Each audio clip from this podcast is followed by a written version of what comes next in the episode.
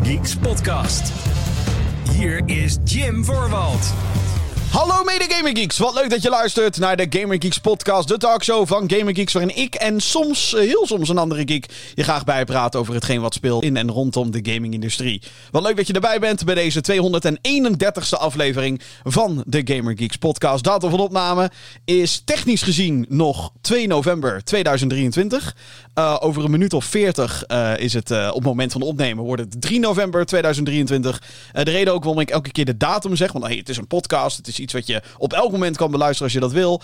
Uh, maar zodat je toch weet dat het een momentopname is. Want het, het zou zomaar kunnen gebeuren dat binnen nu en 12, 13 uur dat ineens de Nintendo Switch 2 wordt aangekondigd. Of de Super Switch. Of wat voor naam ze dat ding ook gaan geven. Gaat niet gebeuren, denk ik. Ik denk dat de kans dat dat gebeurt best klein is. Maar je weet het maar nooit, hè. Dus dan weet je dat het in ieder geval niet in deze aflevering zit. Maar ho, wat hebben we dan veel gesprekstof voor uh, de volgende. Uh, nogmaals, fijn dat je erbij bent bij deze show. Die natuurlijk te beluisteren valt via alle grote podcasting platforms. Uh, zoals onder andere Spotify en Apple Podcast. Maar ook eigenlijk waar je ook podcast kan ontvangen. Daar is deze show op te vinden. Uh, we zijn ook uh, te vinden op uh, YouTube. YouTube.com slash. Daar is de videoversie van deze podcast te vinden. Uh, dus uh, de, kijk of luister vooral daar waar jij wilt. Maar als je in de, uh, de bevoegdheid hebt of de aangelegenheid of, of de, de, mogelijkheid om deze show te recenseren, dan wordt dat zeer gewaardeerd. op Apple Podcast staan we op een 4,8 sterren uit de 5 en Spotify op 4,7. En dat, daar ben ik heel erg trots op. En wat mij betreft mag mag dat gemiddelde omhoog. Of kunnen we er in ieder geval voor zorgen dat het niet lager wordt. Dus laat een goede recensie achter als je deze show natuurlijk leuk vindt. Uh, er is ook een, uh, een optie op uh, Spotify. Om tegenwoordig vragen achter te laten, wat ik wel leuk vind. Dus uh, ik wil iets introduceren van: hey, de vraag van deze show. Wat vind jij? Dat kan je dan natuurlijk op Spotify achterlaten. Maar ook op andere plekken, zoals de mail podcast.gaminggeeks.nl. Of als je op YouTube kijkt, er zijn een YouTube comment sectie is er ook. Uh, ik probeer eigenlijk alle uh, kansen aan te grijpen om uh, enigszins interactie met jou te hebben. want dat vind ik leuk. de vraag van de vorige aflevering was: welke uitgever moet Disney overnemen en waarom? Want een paar weken terug was er, um, nou niet zozeer het gerucht, maar bleek het zo te zijn dat een aantal executives tegen de CEO van de Walt Disney Company hadden gezegd: van, weet je wat je moet doen? Die videogame-industrie is best wel groot. Je zou eigenlijk een grote uitgever als weet ik veel, IE moeten overkopen. En dat was eigenlijk maar een paar zinnen in een uitgebreid artikel over uh, Bob Iger, de CEO van het bedrijf. En hoe, hoe het er nu voor staat met Disney. Maar dat werd opgeblazen als een motherfucker. Uh, dus, maar wel een interessant vraagstuk. Disney heeft, denken we, vermoeden we, oneindig veel geld. Welke zouden ze moeten overnemen? KV Statar die heeft gezegd uh, via Spotify de uitgever van Spider-Man. Omdat er dan misschien weer uh, meer goede Marvel games uitkomen. Ja, um, nou is de uitgever van Spider-Man 2, die uh, op het moment van opnemen twee weken terug is uit. Oh, jeetje mina, wat gaat de tijd hard. In ieder geval is uitgekomen. Dat is Sony. Dat is PlayStation Interactive of Sony Interactive Entertainment. PlayStation Studios, whatever. Het is PlayStation die het uitgeeft. Um, ik denk niet dat Disney Sony zou willen overnemen. Um, en over meer goede Marvel games gesproken, die komen er dus aan. Althans, we hopen dat ze goed worden natuurlijk. Je weet het nooit. Maar uh, hetzelfde team, of althans hetzelfde, dezelfde studio achter Spider-Man en Spider-Man 2 de recente PlayStation-titels. Uh, die uh, zijn bezig met een Wolverine-game. Dus dat wordt heel interessant. En uh, EA heeft twee grote studio's gezet op een Iron Man-game en een Black Panther-game. Dus er komen wel degelijk Marvel-games aan. Of ze allemaal goed worden, dat is allemaal de vraag. maar het team wat de Dead Space remake heeft gemaakt, dat is nu bezig aan Iron Man. En aangezien de Dead Space remake, wat mij betreft, echt helemaal te gek was. Een van mijn favoriete games van het jaar. Zit dat toch wel heel erg goed. Uh, naast uh, de vraag van de, de, vraag, de vraag, de vraag van de week. Ik moet hier een jingle voor maken. Um, vind ik het ook leuk om uh, de podcast te starten met een paar korte nieuwtjes. Een paar korte nieuwtjes in, in, omtrent gaming. Om een beetje warm te worden voor de show. Zodat we er zo meteen diep in kunnen duiken in grotere kwesties. Wat mij betreft, grotere kwesties. Dus laten we beginnen met uh, het korte nieuws. En uh, het eerste korte nieuwtje. Uh, dat is controverse op de PlayStation 5 Slim. Er komt een nieuw model aan van de PlayStation 5. Een kleiner model, een dunner model. Eentje die veel makkelijker onder je televisie past dan de huidige dit is echt, de PlayStation 5 is echt ongekend groot. Ehm, huge is dat apparaat. Als ik er nu ook naar kijk, ik, ik, ja, het maakt niet uit van uit welke hoek in, in, in deze gamingkamer ik kijk. De PlayStation 5 zie je altijd. Zo groot is dat ding. Ehm, maar er komt dus een kleinere versie. En ehm, wat daar cool aan is, uh, is dat er dus, zoals met de huidige PlayStation 5, er een digitale editie komt en een disk drive editie. Maar die digitale editie kan je later upgraden. Of je kan eigenlijk gewoon een disk drive aan koppelen. Die wordt gewoon verkocht door, door PlayStation, door Sony. Uh, en dan krijg je er ook zo'n extra faceplate bij, zodat die lijkt alsof het gewoon. Of nou, het is dan een PlayStation 5 met een disk drive. Je ziet al letterlijk geen verschil tussen welke unit dat is. Er was wel wat controverse over, over die handeling. Want uh, de disk drive, of althans de PlayStation, die moet verbonden worden met het internet om te kunnen werken. Daar waren heel wat mensen niet blij mee, want heel zoiets van: ja, hallo, uh, ik wil dan juist fysieke games om, uh, om geen internet te hoeven gebruiken. Hoe zit dat? Um, het schijnt dus zo te zijn, althans dit hoorde ik dan in een Amerikaanse podcast. Beetje vage bronnen, maar alsnog. Maar het schijnt dus zo te zijn dat in ieder geval in de, in, in de Verenigde Staten er in de wetgeving staat dat als je hardware uitbreidt en um, die, die, het originele stuk hardware dat heeft zeg maar authenticatie nodig via online. Dan moet een uitbreiding dat ook doen. En aangezien de disk drive in dit geval een uitbreiding is, meh. Ik vind het ook vooral een. Um, ik zag volgens mij Power Limited die schreef erover. Die zou ik het is een storm in een glas water. Dat vind ik eigenlijk ook. Want uh, als je een digitale only PlayStation 5 hebt. En die ga je later upgraden met een disk drive. Want Dat wil je dan, dat vind je extra gemakkelijk. Of je komt er dan ineens achter. Oh, ik wil al mijn PlayStation 4 games die ik hier heb liggen, wil ik toch wel spelen.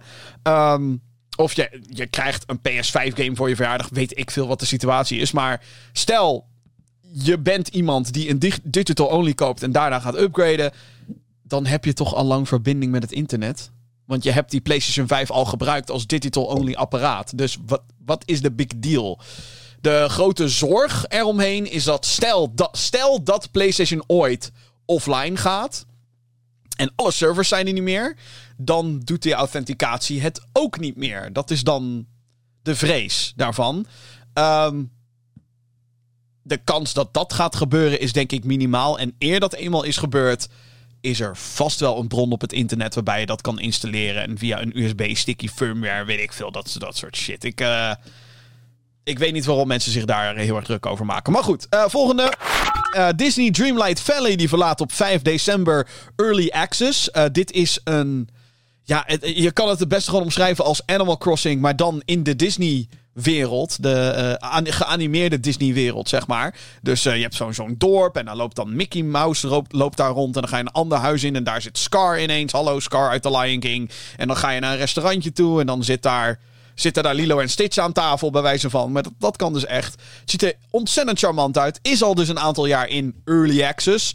Uh, maar gaat dus uit Early Access. En wat het nieuws daarbij is is dat het geen free-to-play game wordt. Dat was eerst uh, altijd uh, de planning. Maar uh, nee, het wordt gewo gewoon een betaalde game. Uh, een game waar je geld voor moet neerleggen om het te kunnen spelen. Ook dus als hij uit Early Access gaat. Sommige mensen waren er blij mee. Sommige mensen weer niet.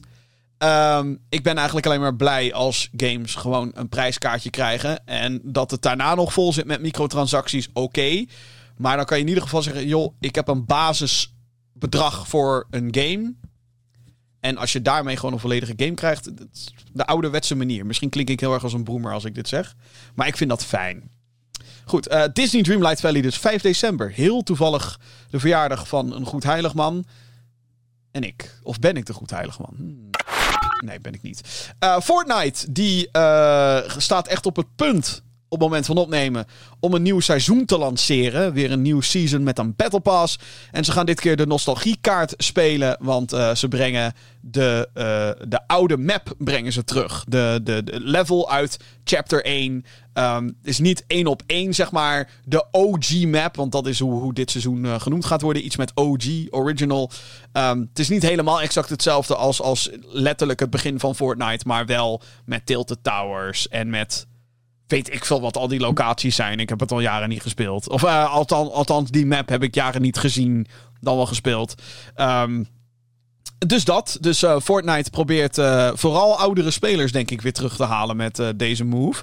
Um, ik speel sinds eigenlijk één seizoen echt gewoon geen Fortnite meer. Heeft onder andere te maken met dat ik nu weer een fulltime baan heb. Dat, dat vreet wel aan je tijd. Maar ook omdat allerlei mensen met wie ik eerst Fortnite speelde, zijn allemaal afgehaakt. En dan is het toch ook minder leuk. Dus ik heb ook niet echt meer de neiging om te zeggen: Oh, ik ga Fortnite weer spelen. Of ze moeten echt met de aller, aller, aller vetste skin ooit komen. En misschien als ze die ene emote weer terugbrengen, weet je misschien, misschien, eh, dan, maar dan start ik het op en dan koop ik die emote en dan daarna niks meer, denk ik. Of zo. Ik heb geen idee. Ik, uh, het is een slimme move. Of het gaat werken voor de lange termijn, dat, uh, dat denk ik niet. Ik denk dat Fortnite wel over zijn hoogtepunt heen is. Sowieso qua hype. Hè? Want eerst was Fortnite het allergrootste. En het is nog steeds huge. Fortnite is nog steeds gigantisch. Maar ik denk dat we gewoon over het uh, hoogtepunt heen zijn. Is dat erg? Nee, want hè, je hebt altijd een, een, een, een hoogtepunt. Maar uh, ja, het is duidelijk dat, dat Epic probeert, de uitgever van de game en tevens de studio die het maakt.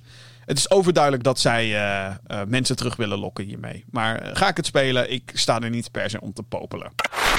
Dan als laatste korte nieuwtje. Er gaat een hond speedrunnen op het benefietmarathon Awesome Games Done Quick. Uh, in 2024. Dat gaat in januari weer plaatsvinden. De Shibu Peanut Butter speelt de NES-game Gyromite met een speciale controller. Um, sowieso heeft die game een speciale controller nodig. Want normaliter is dat Rob the Robot die, waarmee je dat spel dan speelt. Nou, in dit geval gaat het om een controller waarbij de hond op een grote rode knop moet drukken met zijn poten of een grote blauwe knop. Uh, zijn baasje die geeft uh, commando's van de hond, maar raakt zelf de controller niet aan. Dus het is zeg maar, hij wijst wel soort van naar die knop van hé, hey, hallo, doe, die knop en dan doet die hond dat. Uh, en het beestje krijgt een snoepje na een aantal succesvolle commando's. Van oh, good boy. Opvallend, opvallend dit. Um, ik weet dat je natuurlijk zou kunnen zeggen joh, uh, wat arm-based. Maar het lijkt wel alsof hij uh, alsof hij het wel grappig vindt. En goed, hoe train je een hond? Door gewoon heel veel dingen te herhalen en dan vervolgens een snoepje te geven en belonen. Um, dus dit is een uh, opvallende, opvallende training voor een opvallend doel. Maar wel uh, grappig genoeg dat ik dacht: oké, ik moet het er toch even over hebben. Awesome Games Done Quick trouwens is oprecht awesome om naar te kijken. Er komen zoveel games voorbij die echt compleet kapot gemaakt worden. Zij het door skill, zij het door glitches, zij het door een combinatie van vaak. Uh, en dat is dan, uh, dat is dan één grote marathon is dat trouwens. En een benefiet marathon. Volgens mij is het voor uh, de, de, de reguliere wintereditie is het de Prevent Cancer Foundation waar ze dan geld voor ophalen. En in de zomer hebben ze ook een editie. Dat is dan de Doctors Without Borders, geloof ik. Goed. Tot zover het korte nieuws. De playlist. De playlist. Wat ben ik aan het spelen? Wat zou jij moeten spelen eventueel? En wat vooral niet? Ik uh, wil het even met je hebben over een bioscoopfilm die ik heb gezien. Ja, een bioscoopfilm die te maken heeft met videogames. En als ik dat in deze tijdgeest zeg, dan weet je waarschijnlijk wel over welke uh, film ik het heb in dit geval. Er is namelijk een film verschenen omtrent Five Nights at Freddy's. Een indie horror game die in 2014 uitkwam. Gigantisch werd door YouTubers zoals PewDiePie, Markiplier en um, voor mij vooral bekend werd door Game Theory. Um, ook overigens de manier hoe ik de franchise voor het merendeel heb meegemaakt. Het werd een gigantische franchise. Er kwamen binnen no time kwamen er allerlei sequels uit. Um, inmiddels uh, handelt een hele studio uh, uh, de franchise. want de games werden van origine alleen gemaakt door één persoon. Dat was Scott Cawthon was dat. Heeft natuurlijk wat controverse gehad. Bla bla bla bla, et cetera, et cetera. Die is nu. Houdt zijn handen er een beetje vanaf. Is nog wel betrokken bij de franchise, maar maakt het zelf niet meer. Um, nogmaals, dat doet dus een andere studio, doet dat nu. En het feit dat ik kan praten nu over een bioscoopfilm. Um, die gebaseerd is op een game die door één iemand gemaakt is. Dat vind ik al heel erg tof. Ik bedoel, zelfs de originele Super Mario Bros. werd door vijf man gemaakt. Uh, en niet door één iemand. Ook al willen we met z'n allen, uh, of althans met z'n allen, willen we dat. Shigeru Miyamoto wordt vaak als de geestelijk vader gezien van, uh, van Mario. Maar hij was zeker niet de enige die aan die game werkte. Scott Cawthon werkte wel als enige aan die game. Five Nights at Freddy's dan. Uh, dus, dus dat vind ik heel bijzonder. Dat, dat, ik, dat ik in de bioscoop zat te kijken naar, naar, naar dat. Een film gebaseerd op een indie, in, indie horror game. Die vooral groot werd door YouTube. Hele gekke samenloop van omstandigheden. Ehm, mijn kennis van de franchise is dus. of dus, dit, ik heb nooit de games gespeeld. Nooit. Ik um, ben sowieso niet heel erg fan van jumpscares. En, en, en nou, laat ik het zo zeggen. Als een jumpscare, zeg maar, verdiend is, vind ik het tof. Dus er zijn games, horror games die ik gespeeld heb in het verleden. Waarbij er dan heel erg wordt opgebouwd naar een jumpscare. En dat het dan net op het onverwachte moment komt. Um, dat vind ik tof. Als het echt die spanning weet op te bouwen, super vet. I love it, weet je wel? Maar Five Nights at Freddy's gaat gewoon over jumpscares. En ik weet het, er zitten gameplay elementen achter en er zit daadwerkelijk een design achter. Ik wil niet zeg maar beweren dat er niks in die game zit, want anders was het ook niet zo groot geworden. Maar ik ben daar geen fan van. Maar ik weet wel alle lore ervan. Althans, alle lore. Ik, ik weet wat Game Theory erover gezegd heeft. Dit is hoe ik de Five Nights at Freddy's franchise de afgelopen jaren heb meegemaakt. Gewoon door die YouTube-video's. De YouTube-video's van Game Theory, die elke game heeft ontleed. Door elk detail heen gaat van, van de game. En ik weet dat er YouTubers zijn die echt nog verder inzoomen en er non-stop full-time alleen maar het over die games hebben. Uh, Game Theory doet dat dan net niet. Um, maar um, dat is de manier hoe ik die games heb meegekregen, zeg maar. Um, dus dan weet je dat. Dus dan weet je dat ik zelf. Niet, ik, zou ik me dan een Five Nights at Freddy's fan willen noemen? Nee, niet per se.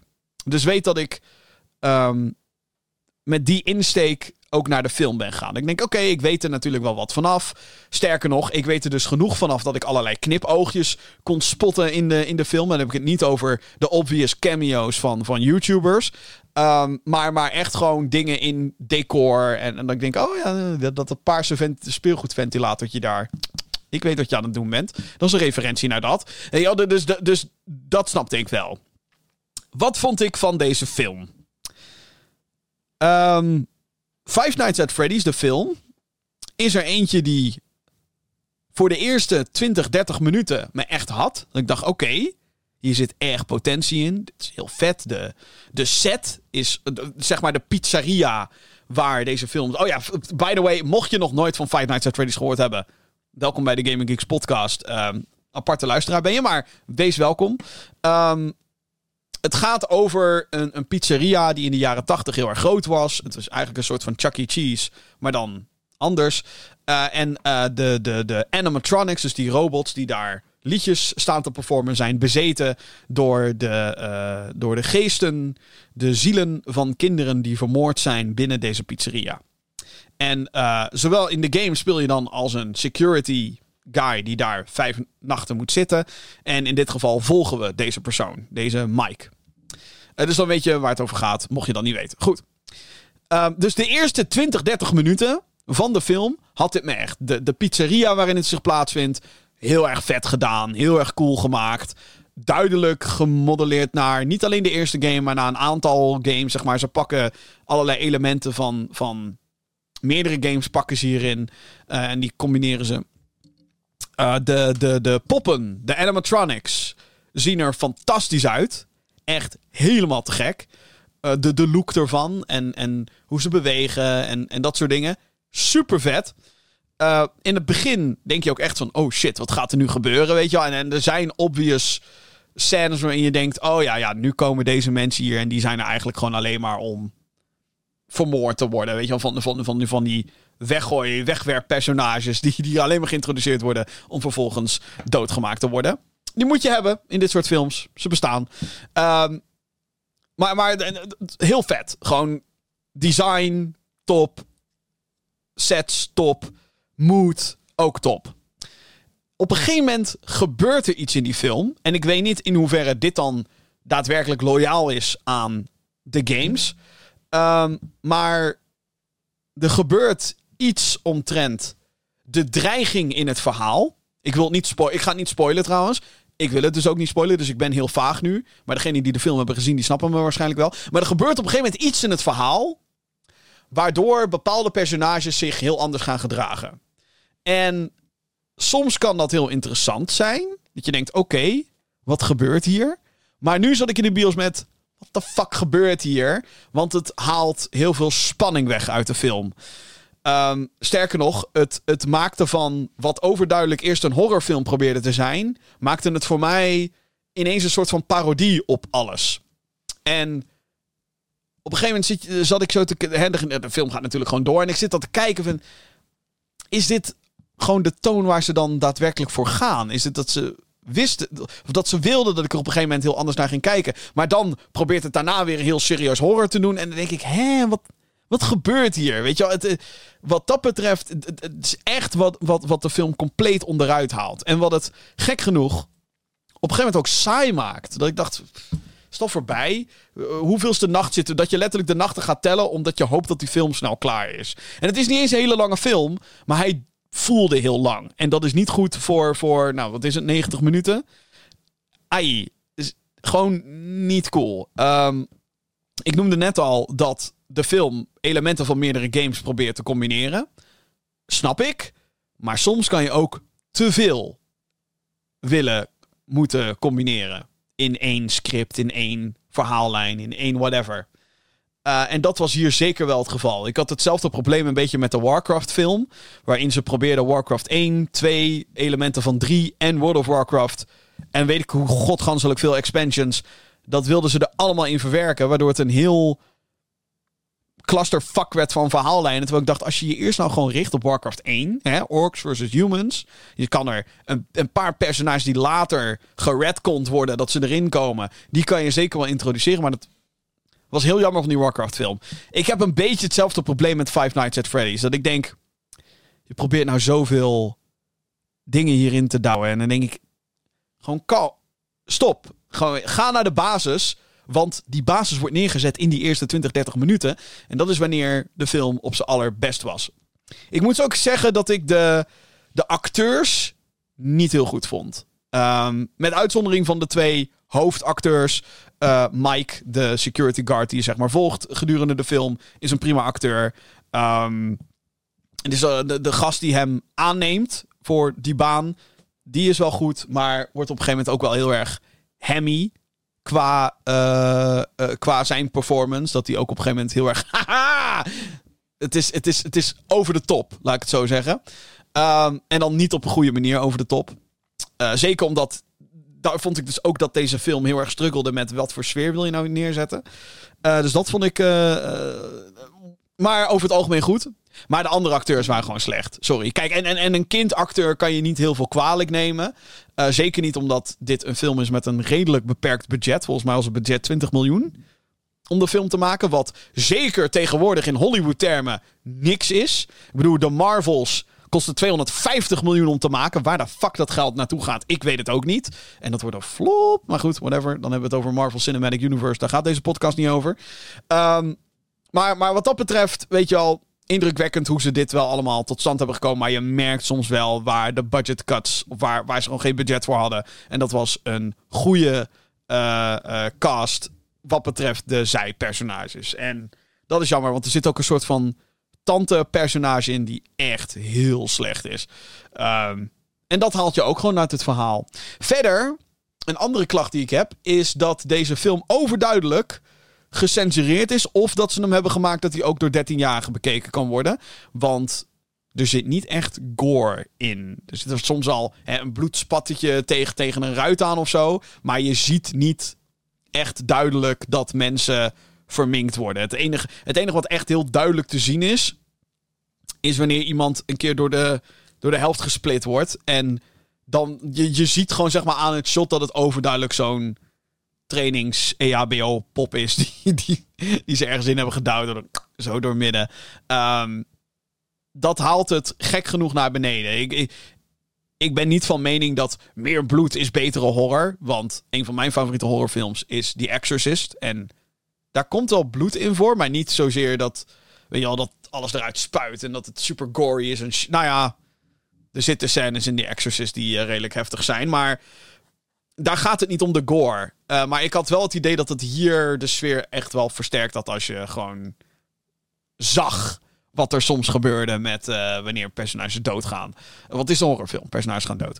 En dat vind ik wel jammer. Um, vooral ook omdat, hè, ik vind niet dat videogames het nodig hebben, maar zo'n bioscoopfilm is toch wel een soort van bewijs. Zo van, kijk eens hoe, hoe vergevorderd videogames zijn. Want nu hebben we een bioscoopfilm en dan neemt iedereen het ineens wel serieus. Um, dus dat. Uh, sfeer supergoed in de eerste 20, 30 minuten. Sets fantastisch. Animatronics geweldig.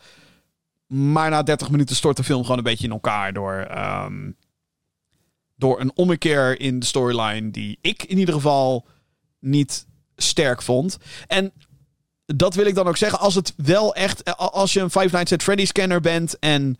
Um, je, je zit niet te luisteren en je denkt: ja, maar Jim, dit is wat er gebeurt in de games.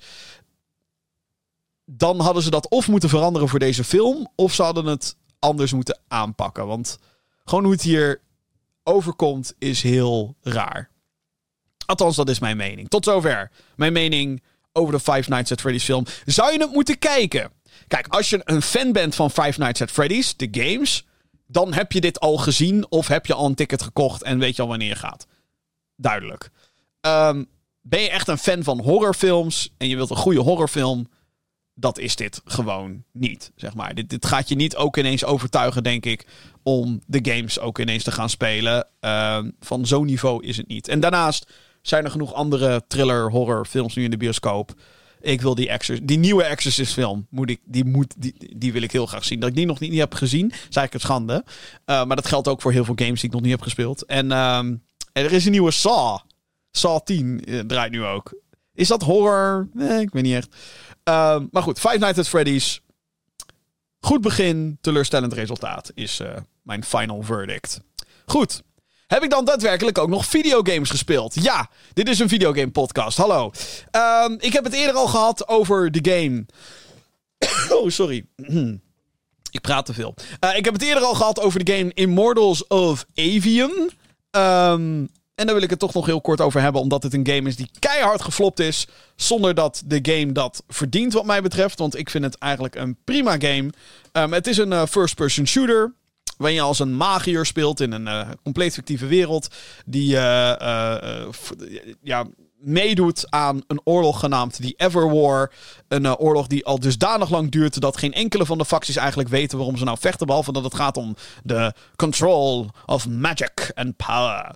Um, en wat, wat, wat qua, hey, waar komt dit conflict nou eigenlijk vandaan, is gek genoeg nu weer heel actueel omdat heel veel mensen dat ook gewoon inmiddels niet meer weten. Omdat sommige dingen al zo lang duren.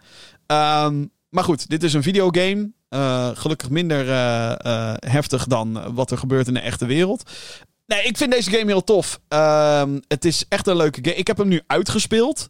En uitgerekend vandaag zag ik een persbericht ook komen dat er New Game Plus aankomt. Dus dat je side content, of dat je de game eigenlijk opnieuw kan spelen, maar dan als een overpowered, overleveled uh, character. Wat heel leuk is, want um, nou, deze shooter heeft allerlei kleine RPG-elementen die helpen um, of nou, kleine RPG-elementen die je characters sterker maken. Je kan andere wapens recruiten. Je kan skills kan je lokken. Je kan augments geven aan je wapens. En je hebt special skills. En et cetera, et cetera, et cetera. Het heeft allerlei van dat soort upgrade systemen. Ik vind de game heel tof. Ook toen ik het had uitgespeeld dacht ik... Nou, dat was, dat was erg tof. Dat was erg leuk. Is het de beste game ooit gemaakt? Natuurlijk niet. Is het de beste shooter van dit jaar? Ook niet. Maar um, dat dit zo hard geflopt is als, als hoe het heeft geflopt is niet verdiend. Ik wilde dat toch nog een keer gezegd hebben. Zeker nu ik de game, uh, of althans nu ik de credits heb zien rollen. Ik, um, ja, ik vind het tof. Ik zou uh, zeggen, haal dit wanneer het uh, in de uitverkoop is. Dat wel, zeker als je op PC gaat spelen. Want op PC is de performance en de optimalisatie echt een drama. Uh, zelfs met een aantal patches die er nu al overheen zijn gegaan, is het uh, nog niet ideaal. Tenzij deze laatste update ineens heel veel dingen heeft gefixt. Maar dat, lijkt me sterk. Um, en ik ben dan persoonlijk van mening dat de Metroidvania-achtige elementen. Dus er zijn heel veel grote open levels waar je allerlei dingen kan vrijspelen en ontdekken. Weet je wel, dat je een bepaalde upgrade haalt en dat je dan later terug kan gaan naar een, naar een ander gebied of een, een gebied waar je al bent geweest en dat je daar nieuwe dingen kan unlocken. Ik was daar in deze game niet zo'n heel erg groot fan van. Um, maar goed, het is er. Eh, ik zou graag willen dat deze studio nog een tweede kans krijgt op een, om een shooter te maken die wellicht zich in hetzelfde universum plaatsvindt, maar dat hoeft niet eens. Ik hoop gewoon dat deze studio nog een game kan maken die hopelijk wat meer gefocust is. Want uh, ik denk echt wel dat er hier wat in zit. En ik zou het dan weer heel tof vinden als EA, de uitgever, uh, ook gewoon dit dan weer oppakt. Het zal wel niet. Um, maar dat zou cool zijn. Dat EA misschien toch nog wel dusdanig erg in het team gelooft. Ik bedoel, ze geloofden ook heilig in deze game. Um, maar ja, ik, ik, zou dat cool vinden. Of dat gaat gebeuren, ik betwijfel het. Maar hey, een, man kan dromen. Immortals of Avium. Als je een fan bent van first-person shooters.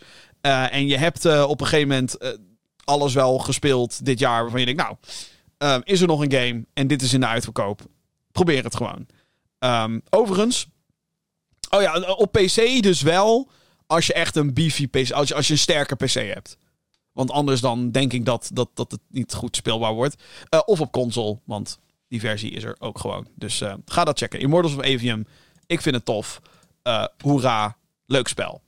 Goed, uh, de volgende. Ja, ik ben, ik ben dus ook in wat indie titels gaan duiken. Ik ben in een soort vreemde fase van mijn uh, gaming gemoedstoestand. Klinkt ook weer heel serieus dit. Maar ik ben in een vreemde fase waarin ik um, allerlei games in mijn Steam lijst op PC allemaal wil gaan afwerken. En heel veel van die games zijn kleinere indie games.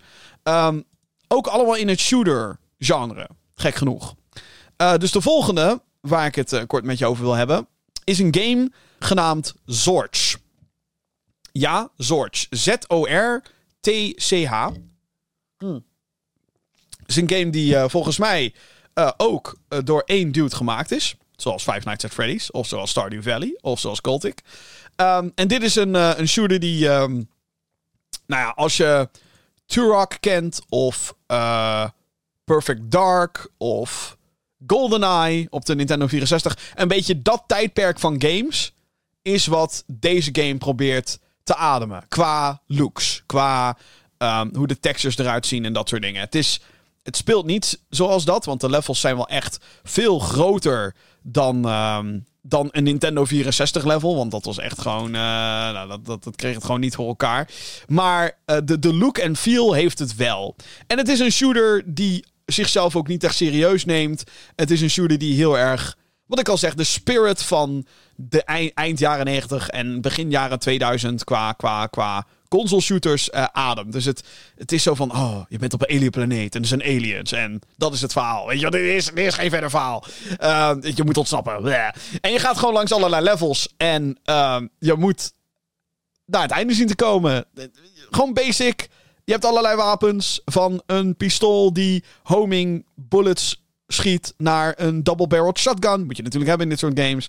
Naar een, een submachine gun die om wat voor reden dan ook een fucking scope heeft. Je hebt een grenade launcher. Je hebt een. nou goed, er zijn allemaal gekke wapens. En een, een, een grote, uh, groot scala aan vijanden die totaal niet bij elkaar passen, maar op de een of andere manier met de artstyle van deze game weer wel. Dus je hebt aliens met geweren. Je hebt grote spinnenbeest. Je hebt grote wandelende hersenen die elektriciteit schieten. Waarom? Geen idee. Boeit dat? Ook niet. Het gaat er gewoon om dat je de vijanden goed herkent, zodat je hun uh, zwakten tegen hun kan gebruiken. En zodat je goed en adequaat kan reageren op alle situaties. Um, het is basic bitch shooter design, maar dan wel op de goede manier. En ik vind het heel erg leuk. Dit is een game die op Steam uh, eh, 5 euro kost. Standaard prijs trouwens. Niet eens op sale. 5 euro. Volgens mij heb ik er 5 uur van mijn leven aan, uh, aan besteed. En dat waren 5 leuke uren. Gewoon simpel, lekker, knallen alsof het het jaar 2000 is. Met een Nintendo 64-achtig uiterlijk.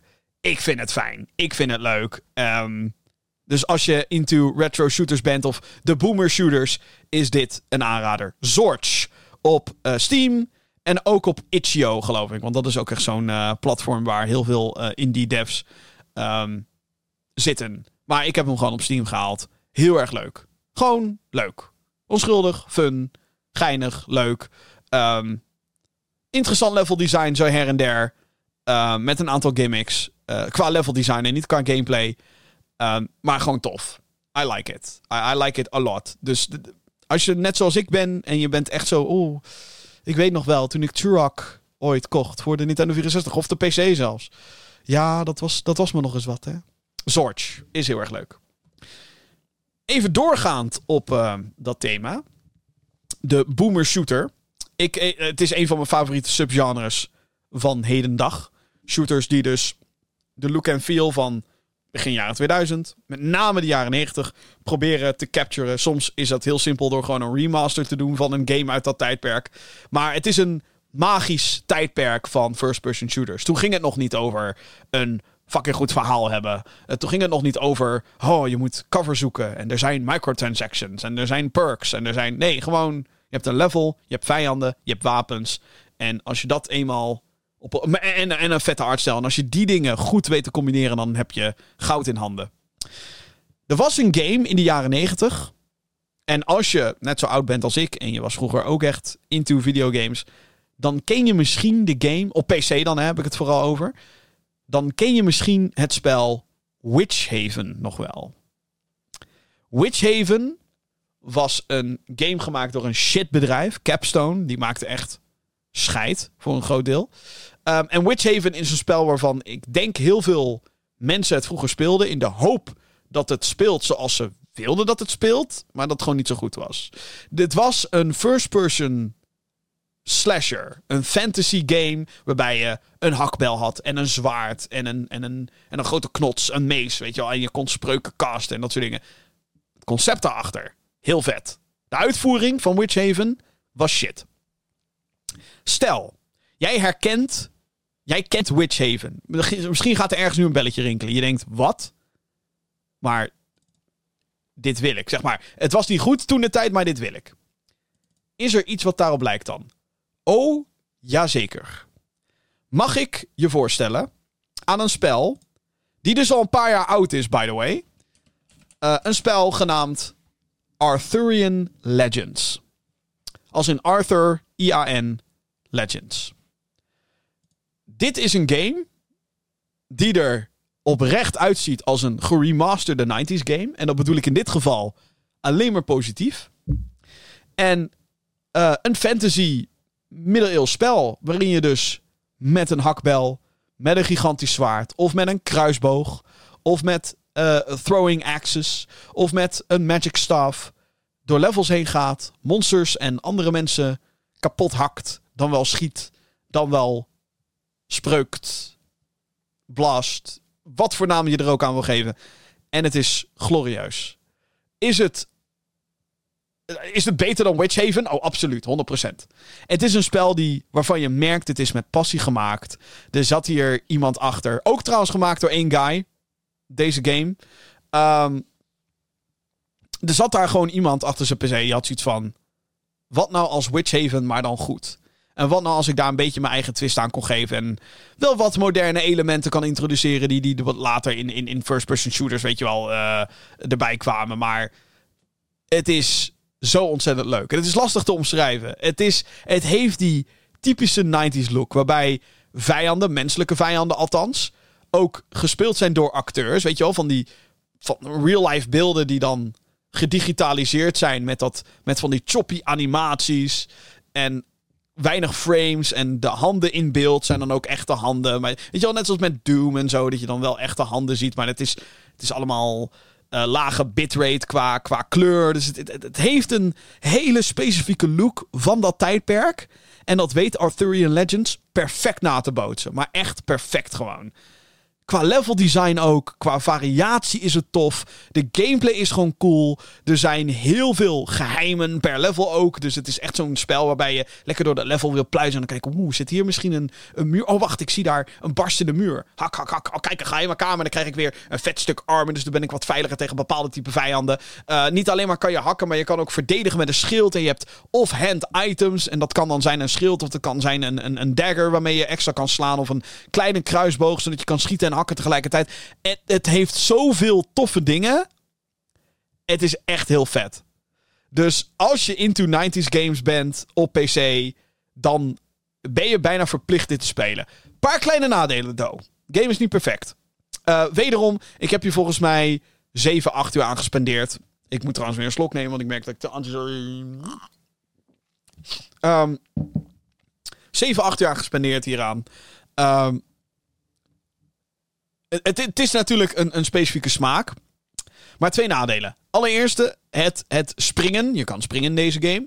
Is best janky. Dat voelt niet heel lekker. Niet heel goed uitgevoerd. Um, is niet heel erg. Het breekt de game niet per se. Um, er zijn. Nou ja, de, de stukken dat je echt moet springen om verder te komen. Um, nou, nee, die zijn wel meer dan op één hand te tellen. Maar het is nooit zo van, oeh, als je deze sprong niet haalt, ga je dood. Weet je, dat, dat komt echt heel weinig voor.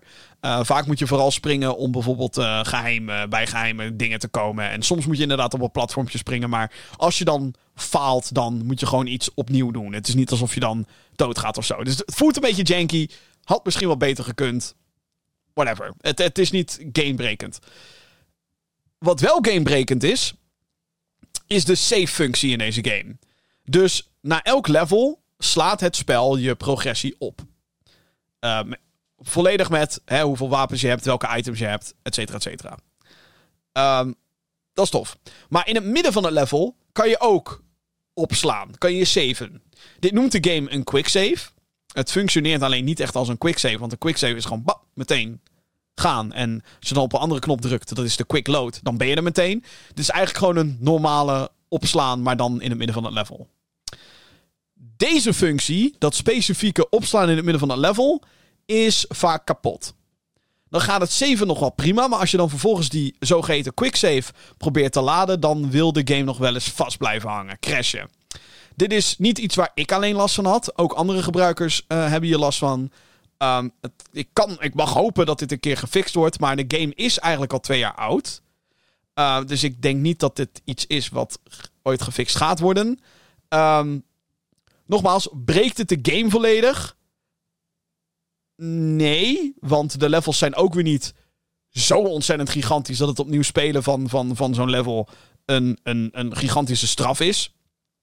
Uh, sterker nog, ik vind de game heel leuk, dus ik heb zoiets van, nou ja, prima.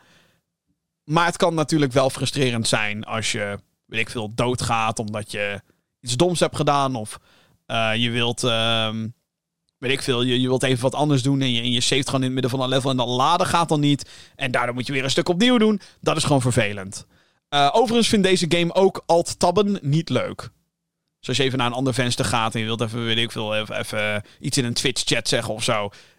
Deze game vindt dat niet leuk. Je bent dan veel beter af om zeg maar een level uit te spelen, af te sluiten en dan de game opnieuw op te starten. Ja, dat is stom. En dat zou eigenlijk niet moeten gebeuren in een game die in 2021 uitkwam en inmiddels een paar patches heeft gekregen. Um, zonde is het wel. Of althans, het zou niet moeten gebeuren. Het is zonde. Het brak voor mij niet de motivatie om door te spelen. Want ik heb hem gespeeld en ik vind het echt, ik vind helemaal mooi. Arthurian Legends. Um, wederom op PC, uh, op Steam. Uh, en deze game is 10 euro, geloof ik, in zijn basisprijs. Ik weet dat hij tijdens een Halloween sale uh, tijdelijk goedkoper was. Whatever, ook 10 euro is het meer dan waard. dat is ook de prijs waar ik hem voor heb gekocht. Dit was zo'n game die echt al een tijdje in mijn, in, mijn wishlist stond. Zo van, oh, die moet ik echt een keer spelen, want dat lijkt me zo grappig en zo tof. Heb ik nu dus gedaan. Let's go Arthurian Legends. Oké. Um, op 20 oktober, een paar weken terug, kwamen er twee videogames uit. Twee grootschalige videogames. Twee giganten van titels. Je vraagt je waarschijnlijk af, Jim, je hebt ze natuurlijk, heb je ze allebei gespeeld? Nee. Spider-Man 2 heb ik nog niet gespeeld. Um, ik heb het al over heel veel games gehad nu al. um, je merkt misschien dat ik een beetje probeer een backlog weg te werken. Ik heb nog zoveel om te spelen dat ik dacht: oké, wacht, Jim, eerst even focus. Eerst gewoon een paar andere dingen uitspelen. En Spider-Man komt sowieso wel. Spider-Man 2, die komt wel. Die andere grote game, die heb ik wel gespeeld. Die andere grote game being Super Mario Brothers Wonder. Een nieuwe 2D Mario game. En voordat de game uitkwam, dacht ik in eerste instantie: hoe? Hoe ga je nu nog een goede 2D Mario. Of nou ja, een goede. Hoe ga je een 2D Mario game maken? Sorry. Die echt iets nieuws kan doen. Want we hebben Super Mario Maker 2. De, de creativiteit lag in de handen van de community. Uh, allerlei stijlen zijn al met elkaar gecombineerd. Super Mario Bros. 2, Super Mario World, New Super Mario Bros. U. Er is zo ontzettend veel al gedaan met 2D Mario. Wat kunnen ze daar in godsnaam nog aan toevoegen? Oké, Mario kan veranderen in een olifant. Cool, zag er tof uit. Maar toch ergens in mij was er iets van. Ik, ik was een beetje sceptisch. Vooral omdat ik um, ja, ook omdat de, de nieuwe Super Mario Brothers reeks. Ze deden er zoveel van. En het. Ik zeg niet dat het slechte games zijn of zo, maar ik had nooit zoiets van: wauw. Naast de eerste op de DS en ook die op de Wii was tof, maar daarna had ik wel zoiets van: nou, hè, die 3DS-game, die New Super Mario Brothers 2, whatever. De Wii U-game, dacht ik ook: ja, cool, maar het zal wel. Super Mario Bros. Wonder had een heel vreemd effect op mij toen ik het begon met spelen. Toen ik begon met het spelen ervan. Het had een heel vreemd nostalgisch effect. Ik had namelijk, terwijl ik het aan het spelen was, die eerste paar uur, zat ik echt gewoon zo van. Ik voel alsof ik weer dat jochie ben die ooit een Game Boy Pocket kreeg voor zijn verjaardag. En voor het eerst Super Mario Land 2, de Six Golden Coins in, in de Game Boy deed. En begon dat te spelen en dacht: wauw, wat is dit cool. Wat een.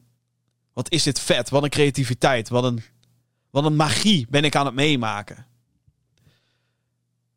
Ik had niet verwacht dat een 2D Mario game. Kijk, met 3D Mario is het een aantal keer gebeurd. Weer. Dat ik echt zo'n rush kreeg. Van: wauw, dit is echt Super Mario Galaxy. Ik weet dat nog zo goed toen, dat voor het eerst speelde. Ik dacht, holy, dit is zo, zo ontzettend goed, weet je al. En gedurende de hele game, Super Mario Galaxy is zo ontzettend. En met Odyssey had ik datzelfde gevoel weer. Zo van, wauw, ze hebben dit nu gedaan met Mario. En het is zo vet en het is zo cool. Ik had nooit verwacht dat ze dat met een 2D Mario game nog voor elkaar gingen krijgen. Maar hier is die, Super Mario Bros. Wonder. En wat een ontzettend fijne, lekkere, goede en vooral creatieve game is dit. En ik ben nog niet heel ver. Ik heb, eh, wat is het, drie werelden uitgespeeld of zo? Maar dit is... Kijk, mijn favoriete uh, tweede Mario game is Super Mario World. Ik vind dat er weinig boven Super Mario World kan zitten. Maar dit zou zomaar de kroon kunnen pakken. De visuals in deze game zijn geweldig. Mario heeft eindelijk weer een iets wat vernieuwd uiterlijk. Er is heel veel moeite gestopt in de animaties van deze game. Waarbij je gewoon merkt, elk, elk, elk scherm, elk, elk, elke frame dat je deze game screenshot, moet eruit zien alsof je het naar je zin kan hebben. En dat is exact wat Wonder doet. Het is zo ontzettend tof neergezet. De animaties, de designs van de characters, niet alleen van Mario, ook van Luigi en van Peach en van Daisy, die eindelijk een keer als een 2D-personage gewoon speelbaar is. Toad, Toadette is als 2D-personage speelbaar. Het is zo cool om, om dit te zien en dit mee te maken. Ehm, de nieuwe power-ups, ik vind ze geweldig. Bubble Mario, Olifant Mario, um, ja, wat is het? Drillboor Mario. Dat hij een drillboor op zijn kop heeft. Waar je van alles nog wat mee kan doen. De uh, level design is zo van: hey, we hebben allerlei gekke ideeën. En die gaan we gewoon uitvoeren. Voelen sommige levels daardoor wat gimmicky? Tuurlijk. Maar het is een game die zich heel erg bewust is ook van: hey, 2D Mario. We kennen het. Uh, we kennen het. Je kent Super Mario World. Super Mario Bros. U Deluxe bestaat. Ja, het, We kennen het. Laten we iets nieuws gaan doen.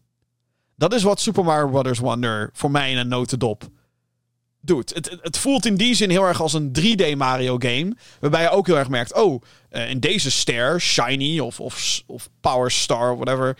Um, Moon in, in Odyssey. Um, hè, dan moet je dit gaan uitvoeren. Dan moet je dat gaan uitvoeren. En dat soort dingen. En deze game doet dat ook. Maar dan wel echt op wederom een hele toffe manier. Um, levels die transformeren dankzij de Wonder Seed. Uh, bepaalde enemies die dan gek werken met physics. Of, of, of die een bepaald effect hebben op andere vijanden. Het is zo ontzettend creatief. En I love it. Het is zo ontzettend goed. Um, en de game ziet er prachtig uit. Maar dat heb ik volgens mij al gezegd. Ik vind de muziek heel tof. De, de, de, de, de ouderwetse deuntjes die een nieuw, uh, nieuw, nieuw likje verf hebben gekregen, zeg maar. De uh, nieuwe deuntjes. Het nieuwe...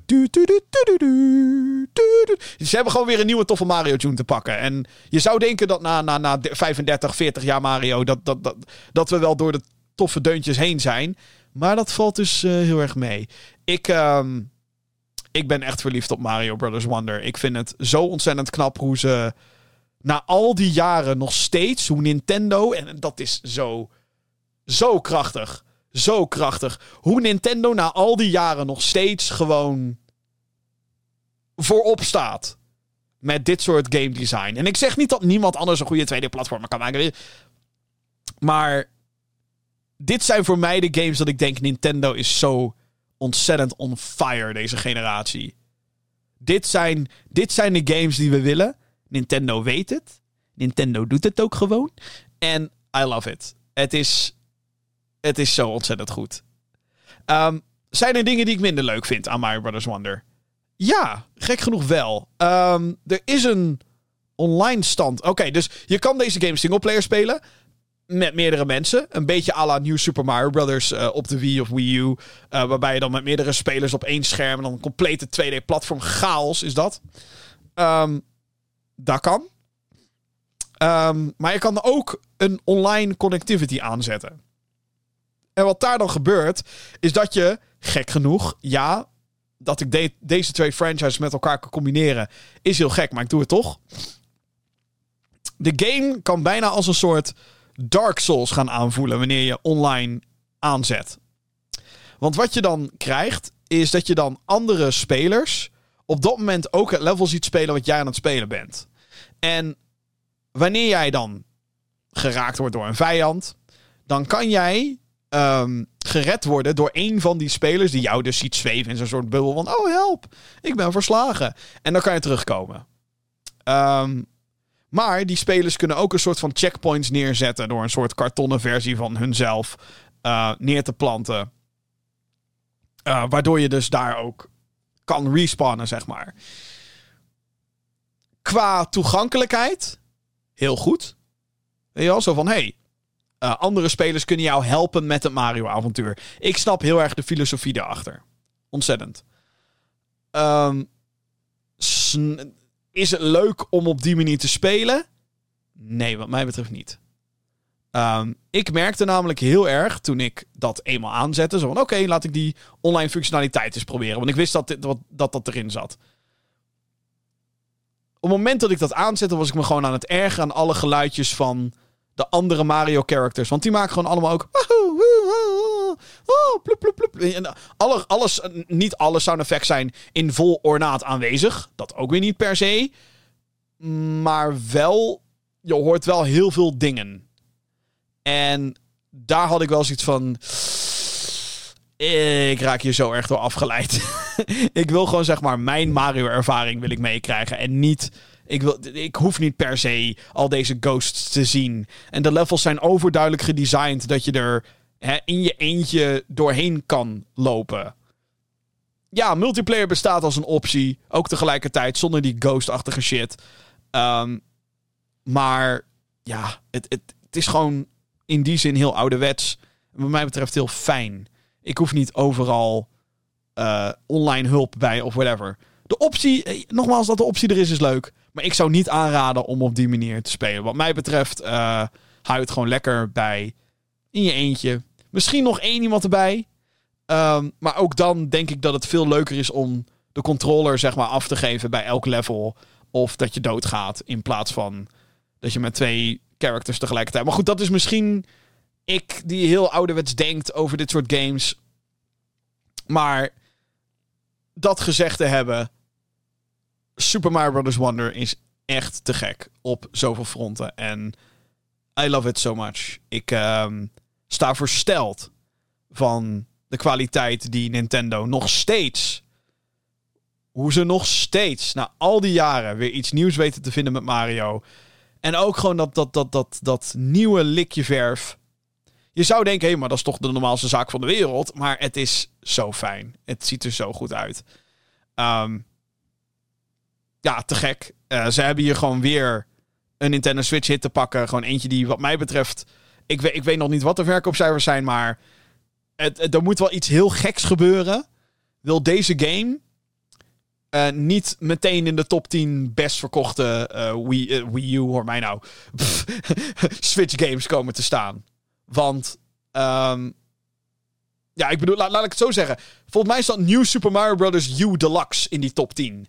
Dit moet, per direct moet, moet deze game daaroverheen. Per direct. Het is zo ons, het, is gewoon fijn. En wat ik al zei, ik, het voelde heel nostalgisch. De controls zijn ook weer lekker. Uh, weet je, het werkt gewoon goed. Heel lastig te omschrijven, maar I love it. I love Super Mario Bros. Wonder. Ook nu ik het erover heb, vind ik het bijna gewoon kloten dat ik The Legend of Zelda Tears of the Kingdom niet heb uitgespeeld. Want ik zit de hele tijd op mijn Switch. Wat moet ik nou spelen? Tears of the Kingdom of Super Mario Bros. Wonder. Keuzestress. Want het is zo ontzettend fijn. Goed, dus um, als je een Nintendo Switch hebt. En. Um, nou ja, dan is dat heel logisch. Ga deze game spelen. Punt. Het maakt niet uit hoe oud je bent. Het maakt niet uit wat voor type gamer je bent. Dit is, uh, wat mij betreft, de, de magie van Nintendo verpakt in een game. En dat is zo ontzettend indrukwekkend. Love it! Zometeen in de Gamer Geeks podcast. Oké, okay, uh, laten we dan maar eens het nieuws gaan bespreken van de afgelopen week. Allereerst, Ubisoft stelt weer een game uit. Hey Jim, was het in de vorige aflevering ook niet zo? Jazeker. Ze hebben er weer een uitgesteld. Uh, er zijn ontslagen gevallen bij Bungie en andere PlayStation Studios. En is de Nederlandse ontwikkelaarscene in gevaar? Huh? Nieuws. Maar eerst, omdat ik het er ook ontzettend veel over heb gehad in deze podcast, is het uh, ook een soort van verplichting dat ik het hier met jou over ga hebben. Oh jongens, eindelijk. Um, de deal is done. Het is na bijna twee jaar eindelijk gedaan. Xbox is nu eigenaar van Activision Blizzard. Dat betekent dat Microsoft franchises in handen heeft zoals Overwatch, World of Warcraft, Diablo, Spyro, Crash Bandicoot, Candy Crush, Prototype, Guitar Hero, Tony Hawk's Pro Skater en de allerbelangrijkste, alle, alle, Call of Duty. Een aantal belangrijke poppetjes van Xbox zijn al op tour geweest langs de studio's van Activision Blizzard. Eh, CEO, de CEO van Activision Blizzard, Bobby Kotick, die blijft tot eind van het jaar bij het bedrijf. Het lijkt erop dat hij daarna gaat vertrekken. Ja, en over deze overname was dus ontzettend veel te doen. Uh, Xbox heeft er 69 miljard voor betaald om uh, deze partij over te kunnen nemen. Uh, heel veel mensen waren bang dat dit voor één grote monopolie zou zorgen. Zowel in de consolemarkt als in de cloud gamingmarkt. Nou, er zijn een aantal concessies gedaan. Um, het is nu gewoon gedaan. Xbox heeft daarnaast ook een gigantisch schema gepubliceerd. waarin duidelijk wordt weergegeven welke studios en uitgevers ze nu allemaal in handen hebben. Daarop staan een aantal interessante dingen. Waaronder dat Xbox Game Studio uh, Double Fine, uh, bekend van Tim Schafer, Psychonauts hebben ze gemaakt onder andere, uh, nu bezig is aan een unannounced IP. Die initiative is nog steeds de nieuwe Perfect Dark aan het ontwikkelen. En Everwild is ook nog steeds in de maak bij Rare. Bij Bethesda is te zien dat zowel Roundhouse Studios als ZeniMax Online bezig zijn met onaangekondigde projecten. Iets wat aansluit bij een eerdere lek die ik heb besproken in de Gaming Geeks podcast. Bij Activision Blizzard worden studio's High Moon, Toys for Bob en Beanox uitgelicht. Allen zijn ze support voor Call of Duty games. Maar bij High Moon wordt Transformers ook uitgelicht als iets waar ze aan gewerkt hebben. Bij Toys for Bob is dat Crash Bandicoot en Spyro. En Beanox, gek genoeg, Tony Hawk. Terwijl dat nou niet per se de beste Tony Hawk games waren. Bij al deze drie studio's wordt aangegeven dat ze potentieel andere games in ontwikkeling hebben. Staat erbij. Potential in-house games. Oké. Wie hoopte dat Studio Raven, ooit verantwoordelijk voor games als Heretic, Soldier of Fortune, Star Wars Jedi Knight 2, Marvel Ultimate Alliance en Singularity weer eigen games mag gaan ontwikkelen, dat is voorlopig niet het geval. Bij die studio staat duidelijk dat hun ver ver verantwoordelijkheid nog steeds ligt bij het maken van Call of Duty Warzone, de free-to-play Battle Royale. Ja, uh, superveel nieuws kan je hier dus niet echt uithalen, behalve dat het nu gewoon gedaan is. En dat we waarschijnlijk aan het begin van 2024 al een aantal Game Pass drops gaan krijgen. Zo van, hé, hey, uh, deze game nu op Xbox Game Pass. En dat zullen dan ongetwijfeld uh, uh, Tony Hawk zal dat worden. Crash Bandicoot en Spyro zal dat worden. Um, oudere Call of Duty's denk ik. of zei ik dat al? Maakt niet uit. Um, dat soort dingen. Um, die komen dan naar Game Pass. En daarna gaan ze hopelijk uitbreiden. En nou ja, we zien dan verder wel wat de toekomst gaat brengen wat betreft uh, de franchises van Activision Blizzard. Heel veel zal gewoon blijven zoals het nu is. Call of Duty, uh, daar hebben ze contracten over getekend. Gaat minstens de aankomende 10 jaar nog verschijnen op alle platforms. Sterker nog, het komt ook naar Nintendo. Zo is afgesproken. Hoe dat gaat werken, ik denk alleen op, de, op het next-gen Nintendo systeem. De Switch 2 of de Super Switch of hoe dat ding dan ook gaat heten. Um, heel benieuwd wat dat gaat worden. Ook zeker met dit soort dingen. We krijgen weer Call of Duty op Nintendo, wat aan de ene kant ook wel weer geinig is. Um, maar dat potential new games bij die studio's, dat is wel interessant, hè? Want wat zijn ze dan aan het maken? Want heel lang werd gedacht, slash, nou, werd er ook gewoon gezegd: hey, deze studio's zitten nu allemaal volledig op Call of Duty. Iedereen zit 100% op Call of Duty.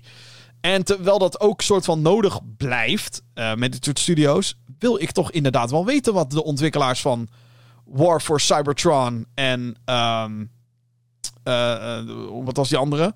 Battle for Cyber. Nou ja, Cybertron, twee games hadden ze gemaakt.